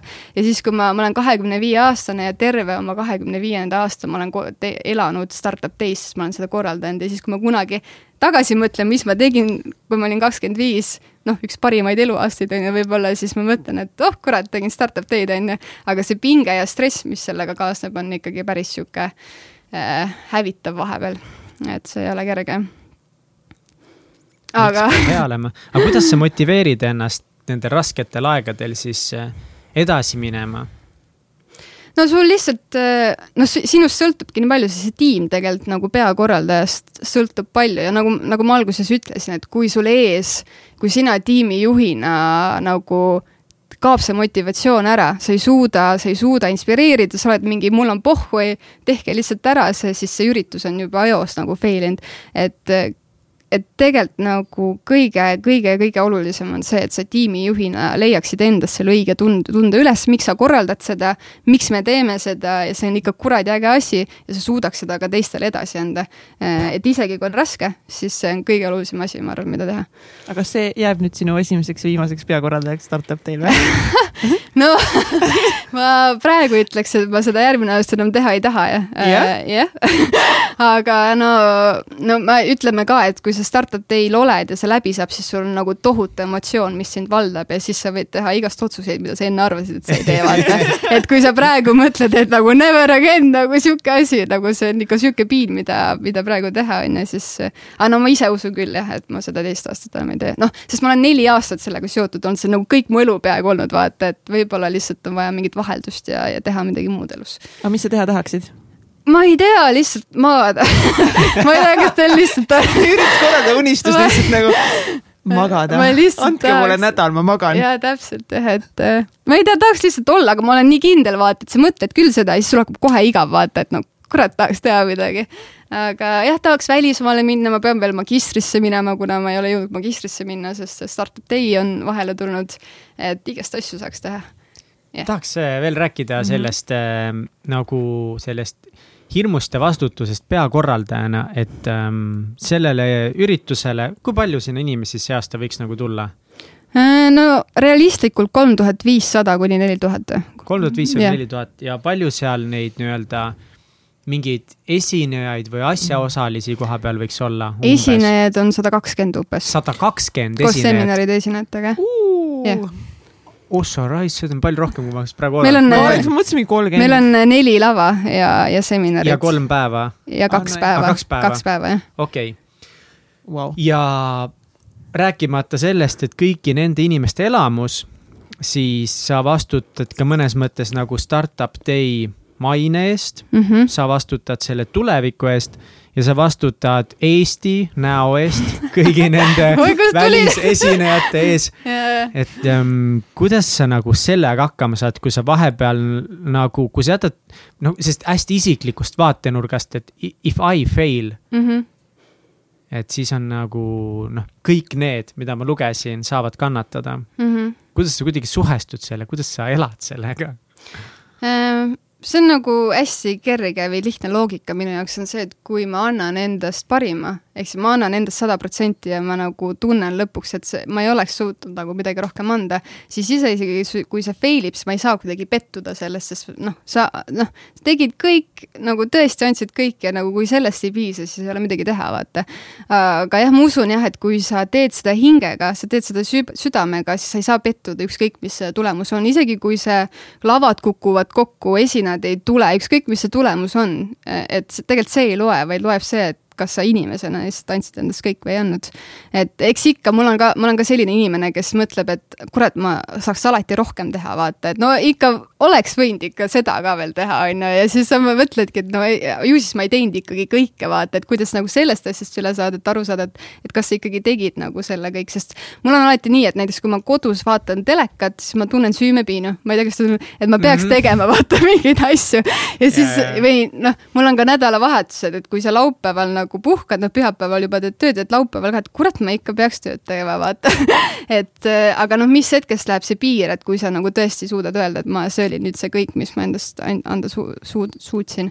et jah, selles mõttes ma ei mõtle sellele, ma lihtsalt nagu, sa lihtsalt kütadki tööd nagu, sa lihtsalt kütad, on raske ja lihtsalt paned lõpuni välja nagu ja, ja ja siis kukud ja ütled Ja siis- järgmine palun. ja, ja siis sa põgened ära, vaata ja siis ja siis on kõik järgmised, siis võtavad selle ja, ja et võtke nüüd tehke see asi korda ei noh, jah, ma usun, et äh, meil on tiim jah, meil on nii äge tiim, kes seda kui teeb. palju teil siis tiimis inimesi üldse on? Eh, hästi raske on nagu piiritleda, et kes on see põhitiim, sest meil on mingi meil on lavade manager'id, meil on demo ala manager'id, seminaride ala manager'id, pluss meil on need üheksa organisatsiooni, kes korraldavad seda üritust, ehk siis nende organisatsioonide juhid. no meil on Tartu Ülikool, Tartu linn on ju, Swedbank eh, ja nii edasi, on ju. kas, kas seda võiks nagu kirjeldada niimoodi, et kui te oleksite nagu ettevõte, et siis need üheksa organisatsiooni ja nende juhid, kes siis nagu ilmselt esindavad organisatsiooni Jah. ja osalevad koosolekutel, nemad on nagu sihuke mingi juhatus või mingi board of executives ja siis teie, sina oled nagu tegevjuht ja sul on oma need. no põhimõtteliselt küll jah äh,, aga noh, meil on eraldi veel MTÜ Startupite juhatus, kus on kolm liiget, aga jah, põhimõtteliselt on nii, et igast organisatsioonist on esindaja, ta ei pruugi olla juht, et ta võib ka olla mingi teine ettevõtlusega seotud inimene, aga jah, me koos korraldame seda üritust, mis on hästi unikaalne, et see idee tegelikult Startup Day'd korraldada sai alguse ettevõtlussaunas,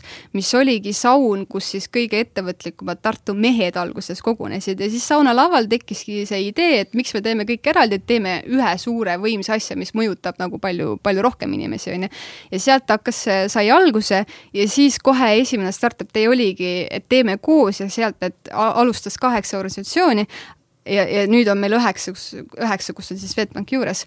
aga kui sa mõtled sellele, et nagu sul on kaheksa organisatsiooni või ettevõtet, kellel on kõik erinevad huvid, on ju, ja kuidas me korraldame seda üritust koos, vaata. et me, et kui tavaliselt räägitakse koostööst, et siis noh, see on hästi pealiskaudne, vaata, et no ma ei tea, korra kuus näeme, siis me nagu reaalselt iga reede istume ühe laua taga ja mõtleme, et mida me teeme Startup Day'ga, on ju, et see on nagu tohutu koostöö üliäge, aga ka väga raske, vaata mm. -hmm. et see on nagu kõige unikaalsem asi nagu, et see on community üritus, sest seda tõesti korraldavadki kõik need nagu organisatsioonid ja me ei valeta, sest me reaalselt nagu teeme kõike koos. et see on aga äge. nüüd- palju neid inimesi siis, et seal ma saan aru, et teil on siis nagu üheksa, kes käib reedeti Jah. enam-vähem. reedeti käime koos, jah. kes käivad reedeti, käivad, siis, siis on, kui umbes, mis vahemikus see sinu see core tiim on mingi kolmkümmend inimest umbes Hmm. jah, jah. ja, ja koha peal siis vabatahtlikke tuleb sada viiskümmend kuni kakssada umbes jah, ussu. jah. no sinna, sinna lisaks on kõik tehnilised, tehniline crew'd ja kõik need veel, aga jah, vabatahtlikutega on meid umbes sinna saja viiekümne, kahesaja kanti kindlalt jah. et päris uh, suur rahva. mõnus, mõnus, mõnus, mõnus. mõnus rahva hulk Teiega jah, meil eelmine aasta oli hästi äge kogemus, kui me ehitasime seda venjut mingi kolm päeva, siis me maha võtsime mingi paari tunniga, siis kõik vabatahtlikud jooksid mingi lillepots üles kuskile vaata asjadega minema. et see venju, venju oli maas nagu mingi tunni ajaga ja siis sa mõtled, et kuhu kurat need kõik asjad nagu said, et kas nad ikka teadsid, kuhu neid asju panna, vaata, aga lihtsalt kõik asjad olid kadunud kõik võtsid midagi koju kaasa. kõik võtsid lihtsalt kaasa ja siis on hästi raske, et sa ürita siis korraga seda viitekümmet vabatahtlikku suunata, et kuhu mingid asjad panna, vaata, kõik tahavad abistada, kõik võtavad asju ja siis ongi nagu ops läinud et see on jah. aga räägime siis asjadest, mida te teete hästi. et sa päris palju asju ütlesid, mida sa enda arvates veel väga hästi ei tee, siis tegelikult selle osas ma tahaks küsida veel pärast seda ka, et kuidas sa õpid, aga eh, kas teil, kas teil on mingisuguseid lahedaid protsesse üles ehitatud või mingisuguseid lahedaid meetodeid, mida te kasutate, ükskõik mis valdkonnas, mille üle sa oled uhke või sa arvad, et mm -hmm. neid võiks keegi teine ka kuidagi kasutada? väga hea küsimus. mm. -hmm, see on tõesti hea küsimus. saad rahulikult mõelda. ma arvan, et mille üle isegi, võtan vett vahepeal. no mine võta vett jah. ma, ma arvan, et mille üle me oleme uhked, on, on see, et eh, no täpselt, millest ma rääkisin, et me, et me ei karda teha asju valesti, nagu see on minu arust kõige, kõige hullem asi, mida saab eh, teha ja pluss ongi see, et me korraldame seda üritust kõigiga koos, mis on nii unikaalne, see on nii suur väärtus lihtsalt, et see on nagu tohutu. ja jah, mida me teeme hästi, issand, ma ei ole isegi kunagi mõelnud sellele, ma alati mõtlen, mida me teeme halvasti väga, väga veider. Aga jah, minu meelest jah, see noorte meelsus ja just see, et meil on enamus tiim, meil on üheksakümmend viis protsenti vabatahtlikud, see on nagu mega tulemus, kuidas sa suudad inspireerida kogu seda tiimi vabatahtlikult oma aega panustama, ma ise ka ausalt ei tea. et äh, see on nagu tohutu väärtus ja ma arvan, et see on nagu startup day üks esmaseid eeliseid. et, et jah, meil on täiesti crazy tiim. aga ma tahaks ikkagi mingit, mingit meetodit või mingit protsessi sinust äh, välja kuidagi pigistada. okei, sa ütlesid, et te Hmm. katsetate palju. jah, kuidas äh, nagu, kui sul on mitukümmend inimest, igaüks tahab ju mingit oma ideed pakkuda või midagi. kuidas te valite, mida te katsetate või kuidas te mõtlete asjade üle, mida katsetada? kas teete brainstorming sessioneid mm, Mhm. -hmm. teete peale kuskil omavahel? seda päris ei tee. mida me teeme, on see, et me ise käime hästi palju ringi Euroopas, just me vaatame teisi üritusi ja me üritame alati üle võtta kõige pare-, parimaid praktikaid, mida me näeme, et me oleme, me oleme hästi halvad ürituskorraldajana, me oleme hästi halvad üritusel osalejad, et ma, ma alati, kui ma lähen üritusele, ma vaatan, kuidas on produktsioon, kuidas on programm, vaatan mingid asjad ära, davai, mul on igav, ma lähen ära, vaata. aga mida me teeme, ongi, et me käime kõige ägedamatel ärifestivalidel, mida me leiame, me läheme kohale, me vaatame, mida nemad teevad hästi, üritame aru saada kontseptsioonist, ongi, kui mingi uus ala, kuidas see toimub, kuidas see protsess, mis infot nad saadavad sulle, kuidas on registreerimissüsteem, kuidas need inimesed kohale saavad ja, ja nii edasi, et sa lihtsalt copy'd tegelikult parimaid asju, mida sa näed, et minu meelest kõige õigem asi ongi see, et sa ei pea leiutama uut asja, lihtsalt kopeeri seda hästi ja tee veel paremini, on ju. et, et seda me, et selle järgi me natukene valime asju, mida me startup teil katsetame, et me oleme ise näinud, see on äge, davai, proovime, kas startup ka töötab. et see on nagu viis ja noh, muidugi me brainstorm ime ka, aga noh, ongi, meil on nii palju liikmeid, et meil tuleb list, tuleb neli lehekülge A4-e, mis on mul Drive ides olemas, mingid lihtsalt ideid, on ju. ja siis sa pead hakkama mõtlema reaalselt, mis ideid ma saan ära teha, see sõltub, palju sul ressurssi on, kas mul on raha, et seda ära teeb, kui palju läheb sinna alla tööjõudu, kas ma leian selle inimese, kes selle ära kärrib ei jõua ja, ja kolmandaks ongi, et kas see on mõttekas, kui suurt väärtust see annab üritusele, on ju, et sul on mingid, mingid punktid ees, no tavaliselt ongi see, et sul paneb lihtsalt nagu eelarve selle põntsu ära, et sa ei saa mingeid asju teha, on ju, ja siis on korras et ja noh, ongi, et mis, mis see väärtus ikkagi on ja, ja, ja täpselt, et kui sa pead jälle võtma uue inimese, teda välja õpetama, siis see on sinu aeg ja energia, mida sa sinna sisse paned, et kas see on mõttekas või mitte. et, et jah, nii, nii lihtne see ongi. vaata, mida teevad parimad ja kopeeri sealt. no täpselt, see on hea vastus. väga hea nõuanne, jaa. Ma Cool. olen äh, rahul. väga rahul. oota, startup day nüüd eh, jaanuari lõpp, ma saan aru, onju? kolmkümmend ja kolmkümmend üks jah. kolmkümmend ja me, me alustame juba kakskümmend üheksa, kui meil on kõik eelüritused, nii et võite juba kakskümmend üheksa kohale tulla, et meil on eelürituste päev, kus meil on igast investorpäevad, community meet-up'id, peod hakkavad pihta, igast fireside chat'id ja, ja nii edasi, et palju toimub juba kakskümmend üheksa. mis on, tahtsid midagi küsida? mul on, ei, mul on üks küsimus, aga ma jätan selle kõige viimaseks ah,. mis on äh, Startup Day Tartu või Startup Day kõige suuremad äh, väljakutsed, et mitte, mis on sinu väljakutsed, aga mis mm -hmm. on selle ürituse väljakutsed mm? -hmm ma arvan, et Startup Day on praegu faasis, kus ta on nagu teismeline, et me oleme nii noor festival, et me otsime oma kohta, noh, täpselt samamoodi, et kas me oleme nagu kõigi üritus või me peaks võtma nagu valdkonna spetsiifilisemalt, et valima välja, et noh, need on need valdkonnad, mida me katame, need on need sihtgrupid, keda me täpselt tahame, on ju, et see ongi see üritus, on ju. et mida me praegu teeme, ongi see, et me otsime, me hullult katsetame nagu mingeid teemasid, kas toimib või ei toimi, meil on hästi palju sihtrühmi, et keda me suudame kõnetada, on ju. et, et startup day väljakutse, ma arvan, ongi see, et leida enda koht turul et kes me siis oleme, suuta nagu ära kirjeldada nagu isiksusena, et kes on Startup Day ja, ja järgmine, järgmine suur väljakutse on meil natuke brändingus kirja kinni, sest hästi huvitav ongi see, et äh, me alustasime startup day'na, ühe päeva üritus, peamiselt startup idele suunatud. nüüd me teeme põhimõtteliselt kolmepäevast üritust, mis tähendab, et me ei räägi day'st, me räägime festivalist. meil on nagu startup festival juba. Äh, kolmas asi on see, et äh, startup day esimene mõte, mis tekib, et see on startup idele suunatud üritus, mul pole asja sinna, on ju. tegelikult see on nii lai spekter, nagu nii palju sisu kõigile, vaata, aga kui sa brändist mööda ei vaata, sa ei saa sellest aru. ja siis viimane asi on see, et inimesed ei näe, et Tartu on seal sees, vaata, mis on kõige suur, ägedam asi üldse, et nagu startup sõnas on Tartu ideaalselt sees, on ju. et see on nagu kõige ägedam asi, aga kui sa ütled seda, inimene ei saa aru, et sa pead seda visuaalselt näitama, vaata. sest noh, startup days on Euroopas mingi kolm-neli tükki veel mis tähendab, et me ei eristu nagu brändiga, mis on hästi, hästi raske. ja siis ongi küsimus, vaata, et kas sa hakkad oma brändi muutma, me oleme neli aastat teinud, kas me teeme sellest startup festivali, paneme hoopis nagu Slush ja Textil, paneme hoopis mingi kolmanda nime, on ju, et kas me hakkame brändiga mängima, mida me siis teeme, on ju, et inimesed saaksid aru, mis üritus see on. ja, ja veel viimane suur väljakutse, mis ma näen, on startup-il see, et mm, kas me suudame jääda tõesti kogukonna poolt korraldatavaks ürituseks, et me olemegi hästi vabatahtlikutel äh, nagu püsiv üritus või me muudame selle tiimi professionaalsemaks, mis tähendab, et sul on kuus inimest palgal, kes põhimõtteliselt teevad enamus töö ära ja siis sa lihtsalt nagu kogud seda sisendit. et praegu meil on hästi-hästi palju see vabatahtlikel nagu põhinev, aga see on ka väga-väga raske nagu, et ka, ma ei mhm. tea, kui jätkusuutlik see on selles mõttes, et kas seda tiimi struktuuri ja ülesehitust peab muutma, et see on nagu veel üks suur väljakutse, aga noh, nagu ma ütlesin, et startup tee on nagu teismeline, et ujud üles-alla, ei tea, mida eluga teha, on ju, mis must saab, lahkuminekud, kokkuminekud ja, ja nii see nagu on, jah rahhi on vaja juurde. rahhi on vaja juurde alati, jaa. muideks. kuulge, people, andke rahhi neile. jaa, muideks vist Soome linn annab Slushile mingi kümme miljonit vähemalt, nii et ma ootaks ka Tartu linnalt veel. Tartu linn on suurim panustaja, Tartu linn on üks kõige ägedam linn üldse. aga jah, sihukest raha, raha on vaja peale. Eesti riik, kütke raha sinna, aga nendele, kes ei tea, mis asi on Slush?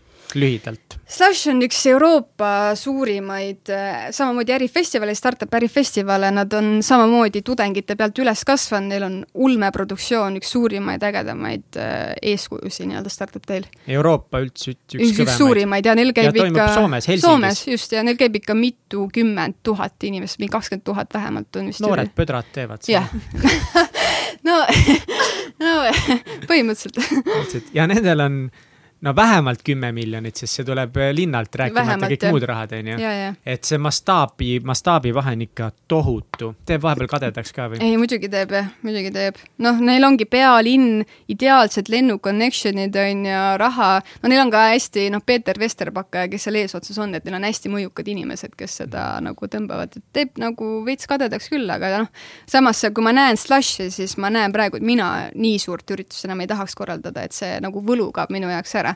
et parem teha nagu niisugusest väiksemat ja niisugust nagu kontsentreeritumat üritust kui lihtsalt suurt massi, massiüritust. et äh, jah kas on veel äh, mõni äh, fuck up või mingi asi, mis teil on täitsa pekika läinud ürituse raames, mida sa meile rääkinud ei ole? mõni sihuke, mida sa nagu väga hästi ei tahaks isegi võib-olla välja öelda, et sihuke asi juhtus äh,? ega ei olegi võib-olla vaata nagu mälu ei mäleta ka enam neid kõige hullemaid nagu fuck up'e, et blokeerib ära.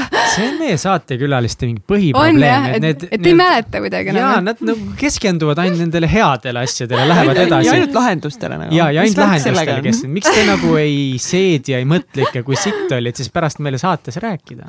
ei, ega see on nagu vaata, ma ei tea, mis, vabandust, emme, aga vaata, emad räägivad, et nad nagu unustavad selle sünnituse valu ära, kui sa näed seda tulemust lõpuks, vaata mm. -hmm. mul on tunne, et meil on veits sama asi, vaata, et me nagu unustame selle jah, kõige raskema valu ära ja kui me näeme seda tulemust ja et äh, kui keegi last tahab saada kunagi, siis te teate, mida ürituskorraldajad ka tunnevad. Nice, boom. kõik noored emad on praegu mingi. ei tea, ei tea. midagi. ja ma tegelikult arvan küll, et see on palju hullem. aga mis sa ütleksid meie mõnele kuulajale, kes on nüüd mõelnud, et pikalt, et, et ta tahaks ka enda mingit üritust korraldada, mm? -hmm. Et on sihuke südamesoov ka teha võib-olla mingi väiksem või suurem, mis iganes üritus, et nagu mis oleksid paar sihukest head mõtet, kust võib-olla alustada või mis mm. -hmm. nõu nad sa annaksid? no hästi loogiline on see, et mine kohe vabatahtlikuks, on ju, ürita sinna sisse saada, isegi kui nad ei otsi vabatahtlikke, lihtsalt kirjuta otse, usu mind, iga ürituse juures on sada task'i, mida teha, et tegelikult neil on küll anda sulle asju, mida teha. ja siis, mida kindlasti teha, on see, et ongi, ole aktiivne, küsi küsimusi. et minu jaoks on hästi veidrad inimesed, kes sul on tiimis ja kes ei küsi mitte midagi nagu, et kõige olulisem on see, et küsi ja ürita aru saada, et kuidas need asjad toimivad, nagu lihtsalt küsi, küsi, küsi ja, ja, ja, ja saagi aru mingitest protsessidest ja ürita ja täpselt nagu me rääkisime, et ürita kohal olla lihtsalt. et ole kohal õigel ajal õiges kohas nagu, et ära nagu jää passiivseks ja nagu ah, ma lähen koju ära, vaid nagu jää ka nende, nendeks nagu rasketeks öötundideks, kui tegelikult käib see põhi, põhitöö. et, et see on nagu hästi oluline, et lihtsalt nagu pea vastu ja ole kaasas. ja mis ma veel soovitan noortele, noortele ürituskorraldajate hingedele ähm, aga tahaks mingit enda üritust teha, et millest ma võiksin mm. -hmm. näiteks, okei okay,, ma käisin seal, vaatasin ära, onju, et okei okay,, tundub päris cool, aga et tahaks mingit enda asja teha. aga nagu ei tea, mida teha ja No no, ega ei et mis tea, nagu, et üritust kus- teha. ei nagu võib-olla isegi ma tean, mis üritust teha, aga ma ei julge nagu alustada, vaata, sest nagu Aa. ma nägingi, et seal on mingi tiim on suur ja seal on eh, hull produktsioon ja, ja, jah. kõik Asjad need asjad. Kõik läheb pekki. See on hirmud, et sa ei tea, kuidas lahendada miinused. jah, muideks mul just sellega tuli meelde, et äh, kui ma käisin positiivusel, siis mu esimene mõte oli see, et teeme Eestis negatiivuse, vaata, et nagu Eestis see negatiivus oleks kõige parem üritus üldse wow.. Kõik eestlased tulesid kohale, sest No mingi, täpselt. oh, lõpuks ma olen kodus. lõpuks minu üritus saab negatiivne olla ja lihtsalt nutta.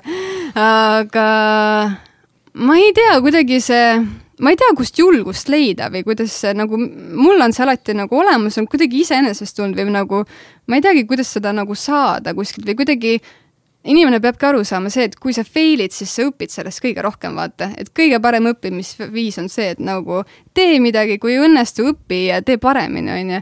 et kui sa sellest loogikast saad aru, et see on okei okay, midagi ei juhtu sinuga, kui sa ära ei sure, siis on tegelikult ju vaine, kui sa kedagi teist ka ära ei tapa sellega, siis on nagu väga hästi, onju. et, et lihtsalt äh, ära, ära karda, mitte midagi hullu ei juhtu sinuga, elu läheb ikka edasi, ükskõik kui suur see fuck up nagu on. et midagi, midagi teha ei ole mul on ainult eh, üks eh, sihuke final eh, küsimus nüüd, ma ei tea, võib-olla Mihklil on veel. kas sul on muidu veel mingi küsimus, enne veel küsimusi? okei, no küsi siis, edasi siis ma küsin selle küsimuse. mind antud eluhetkes, mind huvitab väga õppimine mm. -hmm. ja mind huvitabki nagu, vaata, ma hästi palju on täna küsinud ka siukse, mis meetodid ja mis jah. praktikad ja fa-fa-fa onju. see on ainult see, et sa näik-, näiksid hästi sihuke targa tähtsana. jaa, täpselt, oota, ma panen prillid uuesti ette tagasi. niimoodi, need on nii lahedad prillid, sest need seda sinist valgust veits äh, blokivad, iga kord, kui ma ette panen, siis maailm muutub natukese kollasemaks ja natukese rõõmsamaks. no tore. Eh, niimoodi, ühesõnaga, et eh, ma tean, et eh, viis, kuidas sa said väga pädevaks ja väga tubliks, sa küsisid hästi palju küsimusi oma yeah. ürituste juhtidelt, kellega sa, kelle kõrval sa käisid. ja, ja sa ka käid väga palju ringi, te mm. -hmm. vaatate, jah, mida sa veel teed, kuidas veel õppida ja kuidas siis nagu töötada seda informatsiooni läbi, mida sa said, võib-olla seda ei pea kuidagi spetsiifiliselt tegema, aga kas on veel midagi? mm. -hmm. Um, no jälle, minu jaoks on hästi oluline see loogiline mõtlemine, et äh, kui ma nägin eelmine aasta või noh, noh, esimest korda tegelikult, kui ma nüüd startup teed hakkasingi tegema, siis ma, ma sain aru, et startup teil on esiteks näiteks, üks näide, meil on nii palju partnereid, on ju, ja seda infot, mida jagada, neil on nii palju, et meil peab olema mingi targem süsteem, kus, kuidas nad saaks selle info kätte, kuidas meie neilt selle info kätte saaks, on ju. ja siis ma lihtsalt hakkasin loogiliselt mõtlema, et mis süsteemi teha et see oleks üks süsteem, mida ma saan kõigile partneritele kopida põhimõtteliselt. ja siis ma lihtsalt tegingi mingi lihtsa nagu Drive'i, Drive'i lingi, kuhu ma koondan kõik kaustad, panen oma video sinna, siit saad piletid kätte, kirjuta sellele inimesele, ühesõnaga sa koondad kõik info kokku ja siis sa leiad viisi, kuidas duplikeerida seda, ehk siis sa teed nagu tööd endale vähemaks. et minu jaoks see kõige olulisem asi on lihtsalt saadagi aru sellest, et kui sulle tundub, et mingi asi on ebaefektiivne, et sa mõtleksid mingi süsteemi välja, et seal peab olema mingi parem lahendus, et see ei ole normaalne, et sa teed mingeid asju käsitsi, ma saadan kõigile ühte infot, mingi meilimajandus on ju, et sa lihtsalt mõtle, kuidas seda süsteemi optimeerida, kuidas leida mingi süsteem, mis töötab kõigi jaoks. et eh, see on hullult äge minu meelest, kui sa suudad seda infot hakata koondama ja leida, noh, leiutadki mingi oma süsteemi, et see on minu meelest hästi oluline. Eh, jah tehke seda, mõelge, mõelge välja oma süsteemi, mis töötavad, kerged süsteemid. Uh.. ja võib-olla siis veel, et mida sa teed hästi? oi jumal. Mida, mida ma teen hästi?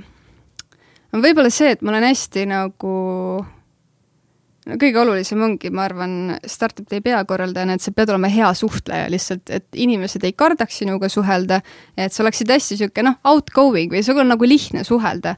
et ma arvan, et see on nagu üks minu nagu suurimaid niisuguseid nagu eeliseid või niisuguseid noh, miks ma selles nagu enam-vähem okei okay olen et ma lihtsalt suudan suhelda, ma suudan partneritega hästi suhelda ja ma suudan neid suhteid hoida.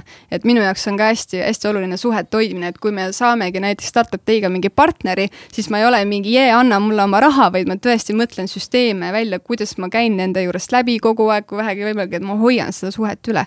et ma nagu jah, üritan hästi palju nagu seda suhetele üles ehitada. Äh, jah. vot. suhted suhted. jätkuvalt. tahad, et ma nüüd küsiks või ma nüüd küsin siin ajaloo kõige tähtsama küsimuse ah,.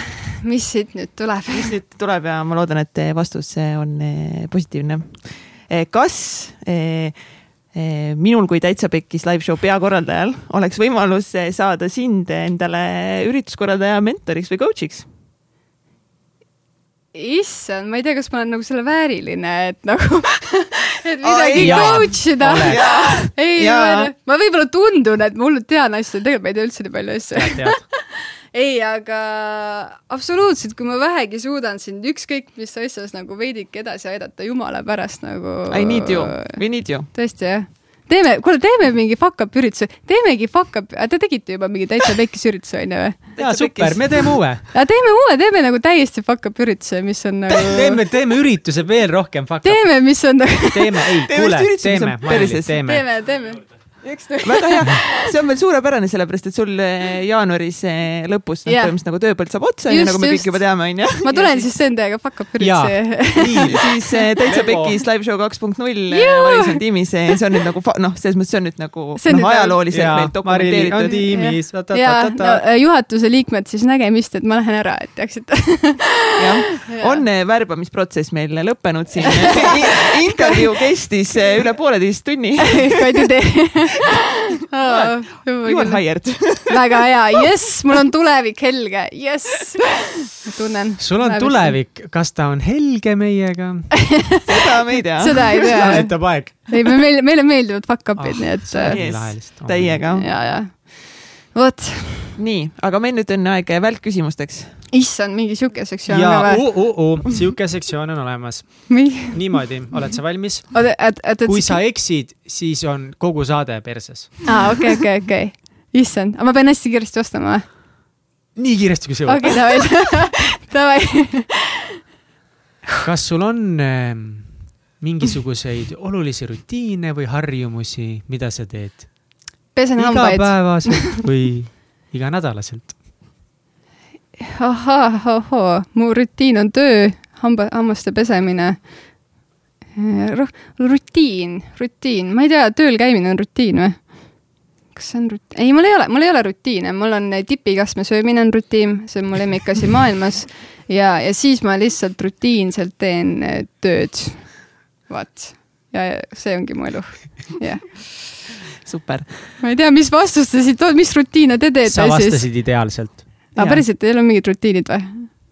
äkki tahaks ka midagi? meil on igast rutiine. on ju? aga mm. tänane saade ei ole meist okay. me juba küll puudutasime seda teemat ka, aga milles sa väga hea ei ole? oh, jälle hakkame pihta, ma rääkisin terve saade mingit kõigitust, ja siis ikka jälle uuesti. võtame ikka kokku need asjad nüüd. milles ma hea ei ole, jah ma, kõige suurem mis õppe, õppetund mul ongi, et ma ei oska negatiivseid asju kommenteerida, see on nagu kõige hullem asi minu meelest ja ma ei oska inimestele väga halvasti ka öelda, võib-olla vahel oleks vaja, aga ma ei oska kuradi jobu. kuradi, vot see ma ei suuda nagu jah, ma vendadele suudan seda öelda, aga mitte ei tavainimestele. et, et jah, et ma ei ole jah, mida ma jah, kõige suurem asi, mida ma ongi õppida tahaks, on kui keegi õpetaks mulle või annaks nõu või kuidas seda teha, siis ma palun kirjutage mulle ja ma olen valmis kirjutage õppima. meile Instagramis äh, või Face'is meie selle episoodi äh, äh, pildi või mis iganes video alla, mis on mingid head viisid, kuidas anda inimeste negatiivset tagasisidet yeah.. või saatke mingeid, pange sinna linkige mingeid äh, artikleid mm, -hmm. kui teate. sest mida ma olen teinud, on see, et ma suudan selle nagu maha kirjutada ja, ja aga ma ei suuda välja öelda seda, et ma kirjutada suudan neid asju, aga nagu välja öelda ei suuda mille üle sa oled kõige uhkem oma elus?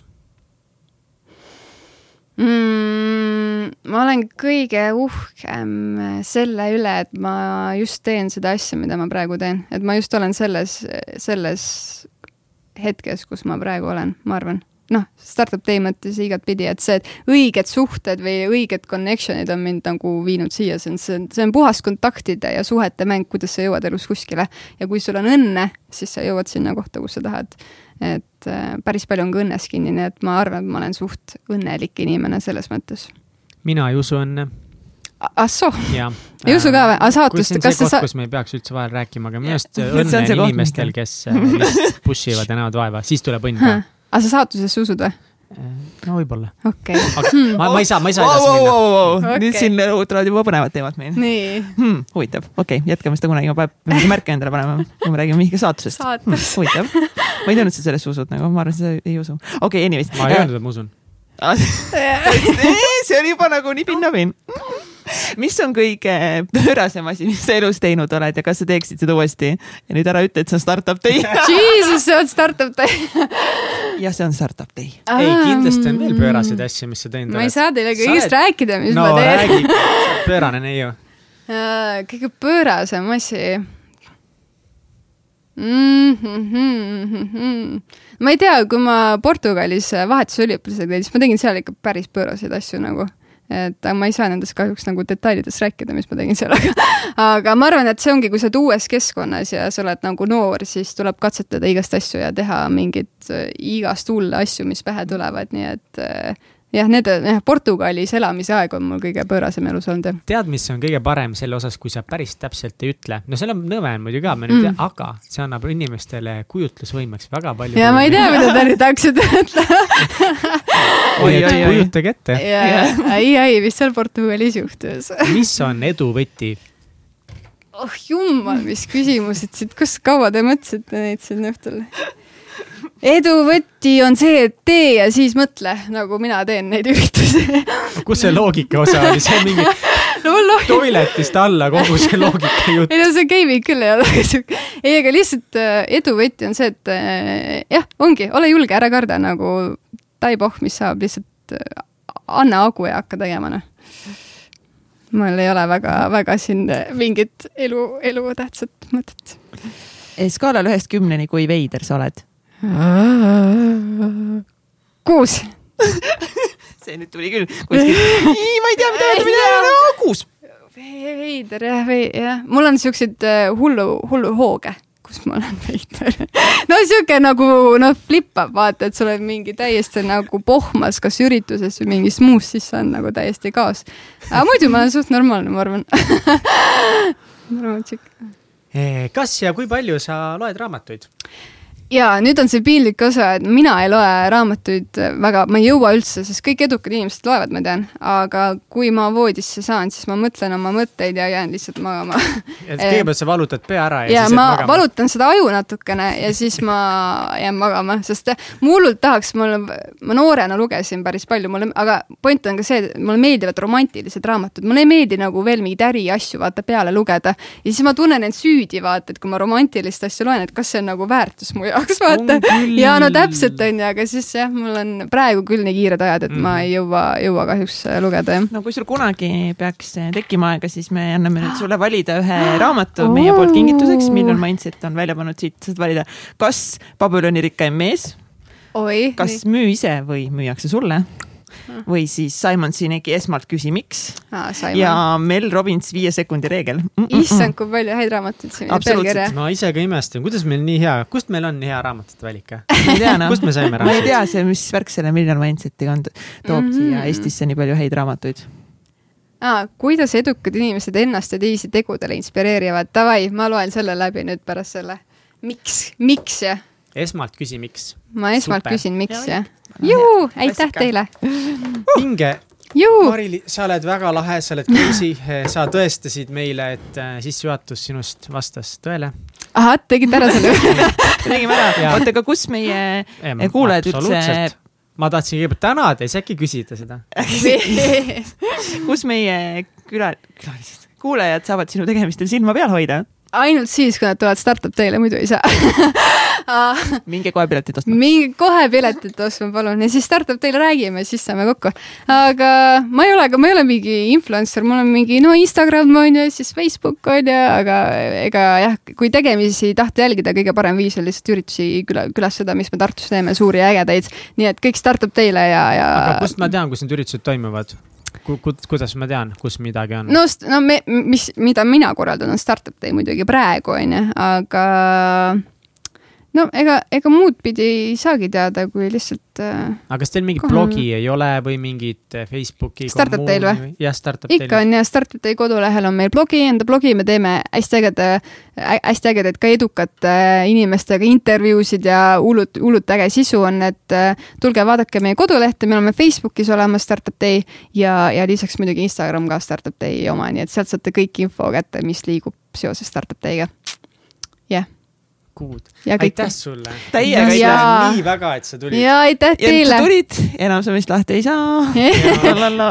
ruttu Tartusse tagasi ei, kuulge, aitäh, te olete väga ägedad ja ma arvan, et see on üliäge teema, mida kajastada, et noortele ja kõigile teistele inspiratsiooni anda, et kui kõik läheb pekki, siis elu ei ole läbi. nii et aitäh teile, et te avate silmaringi Ah, nii tore, aitäh. ja, ja aitäh. Ja nagu ikka, et kui see oli sinu meelest äge episood, mu meelest see oli jõhkralt äge äh, sekundeerin. sekundeerin sellele plögale või, siis ma just ütlesin. kui see oli lahe episood, siis äh, jaga ühe-kahe sõbraga seda ägedat episoodi. ja, ja siis äh, mina ei tea, maailm on parem koht ja world peace ja kõik jutud Peace. tšau. tšau. tšau.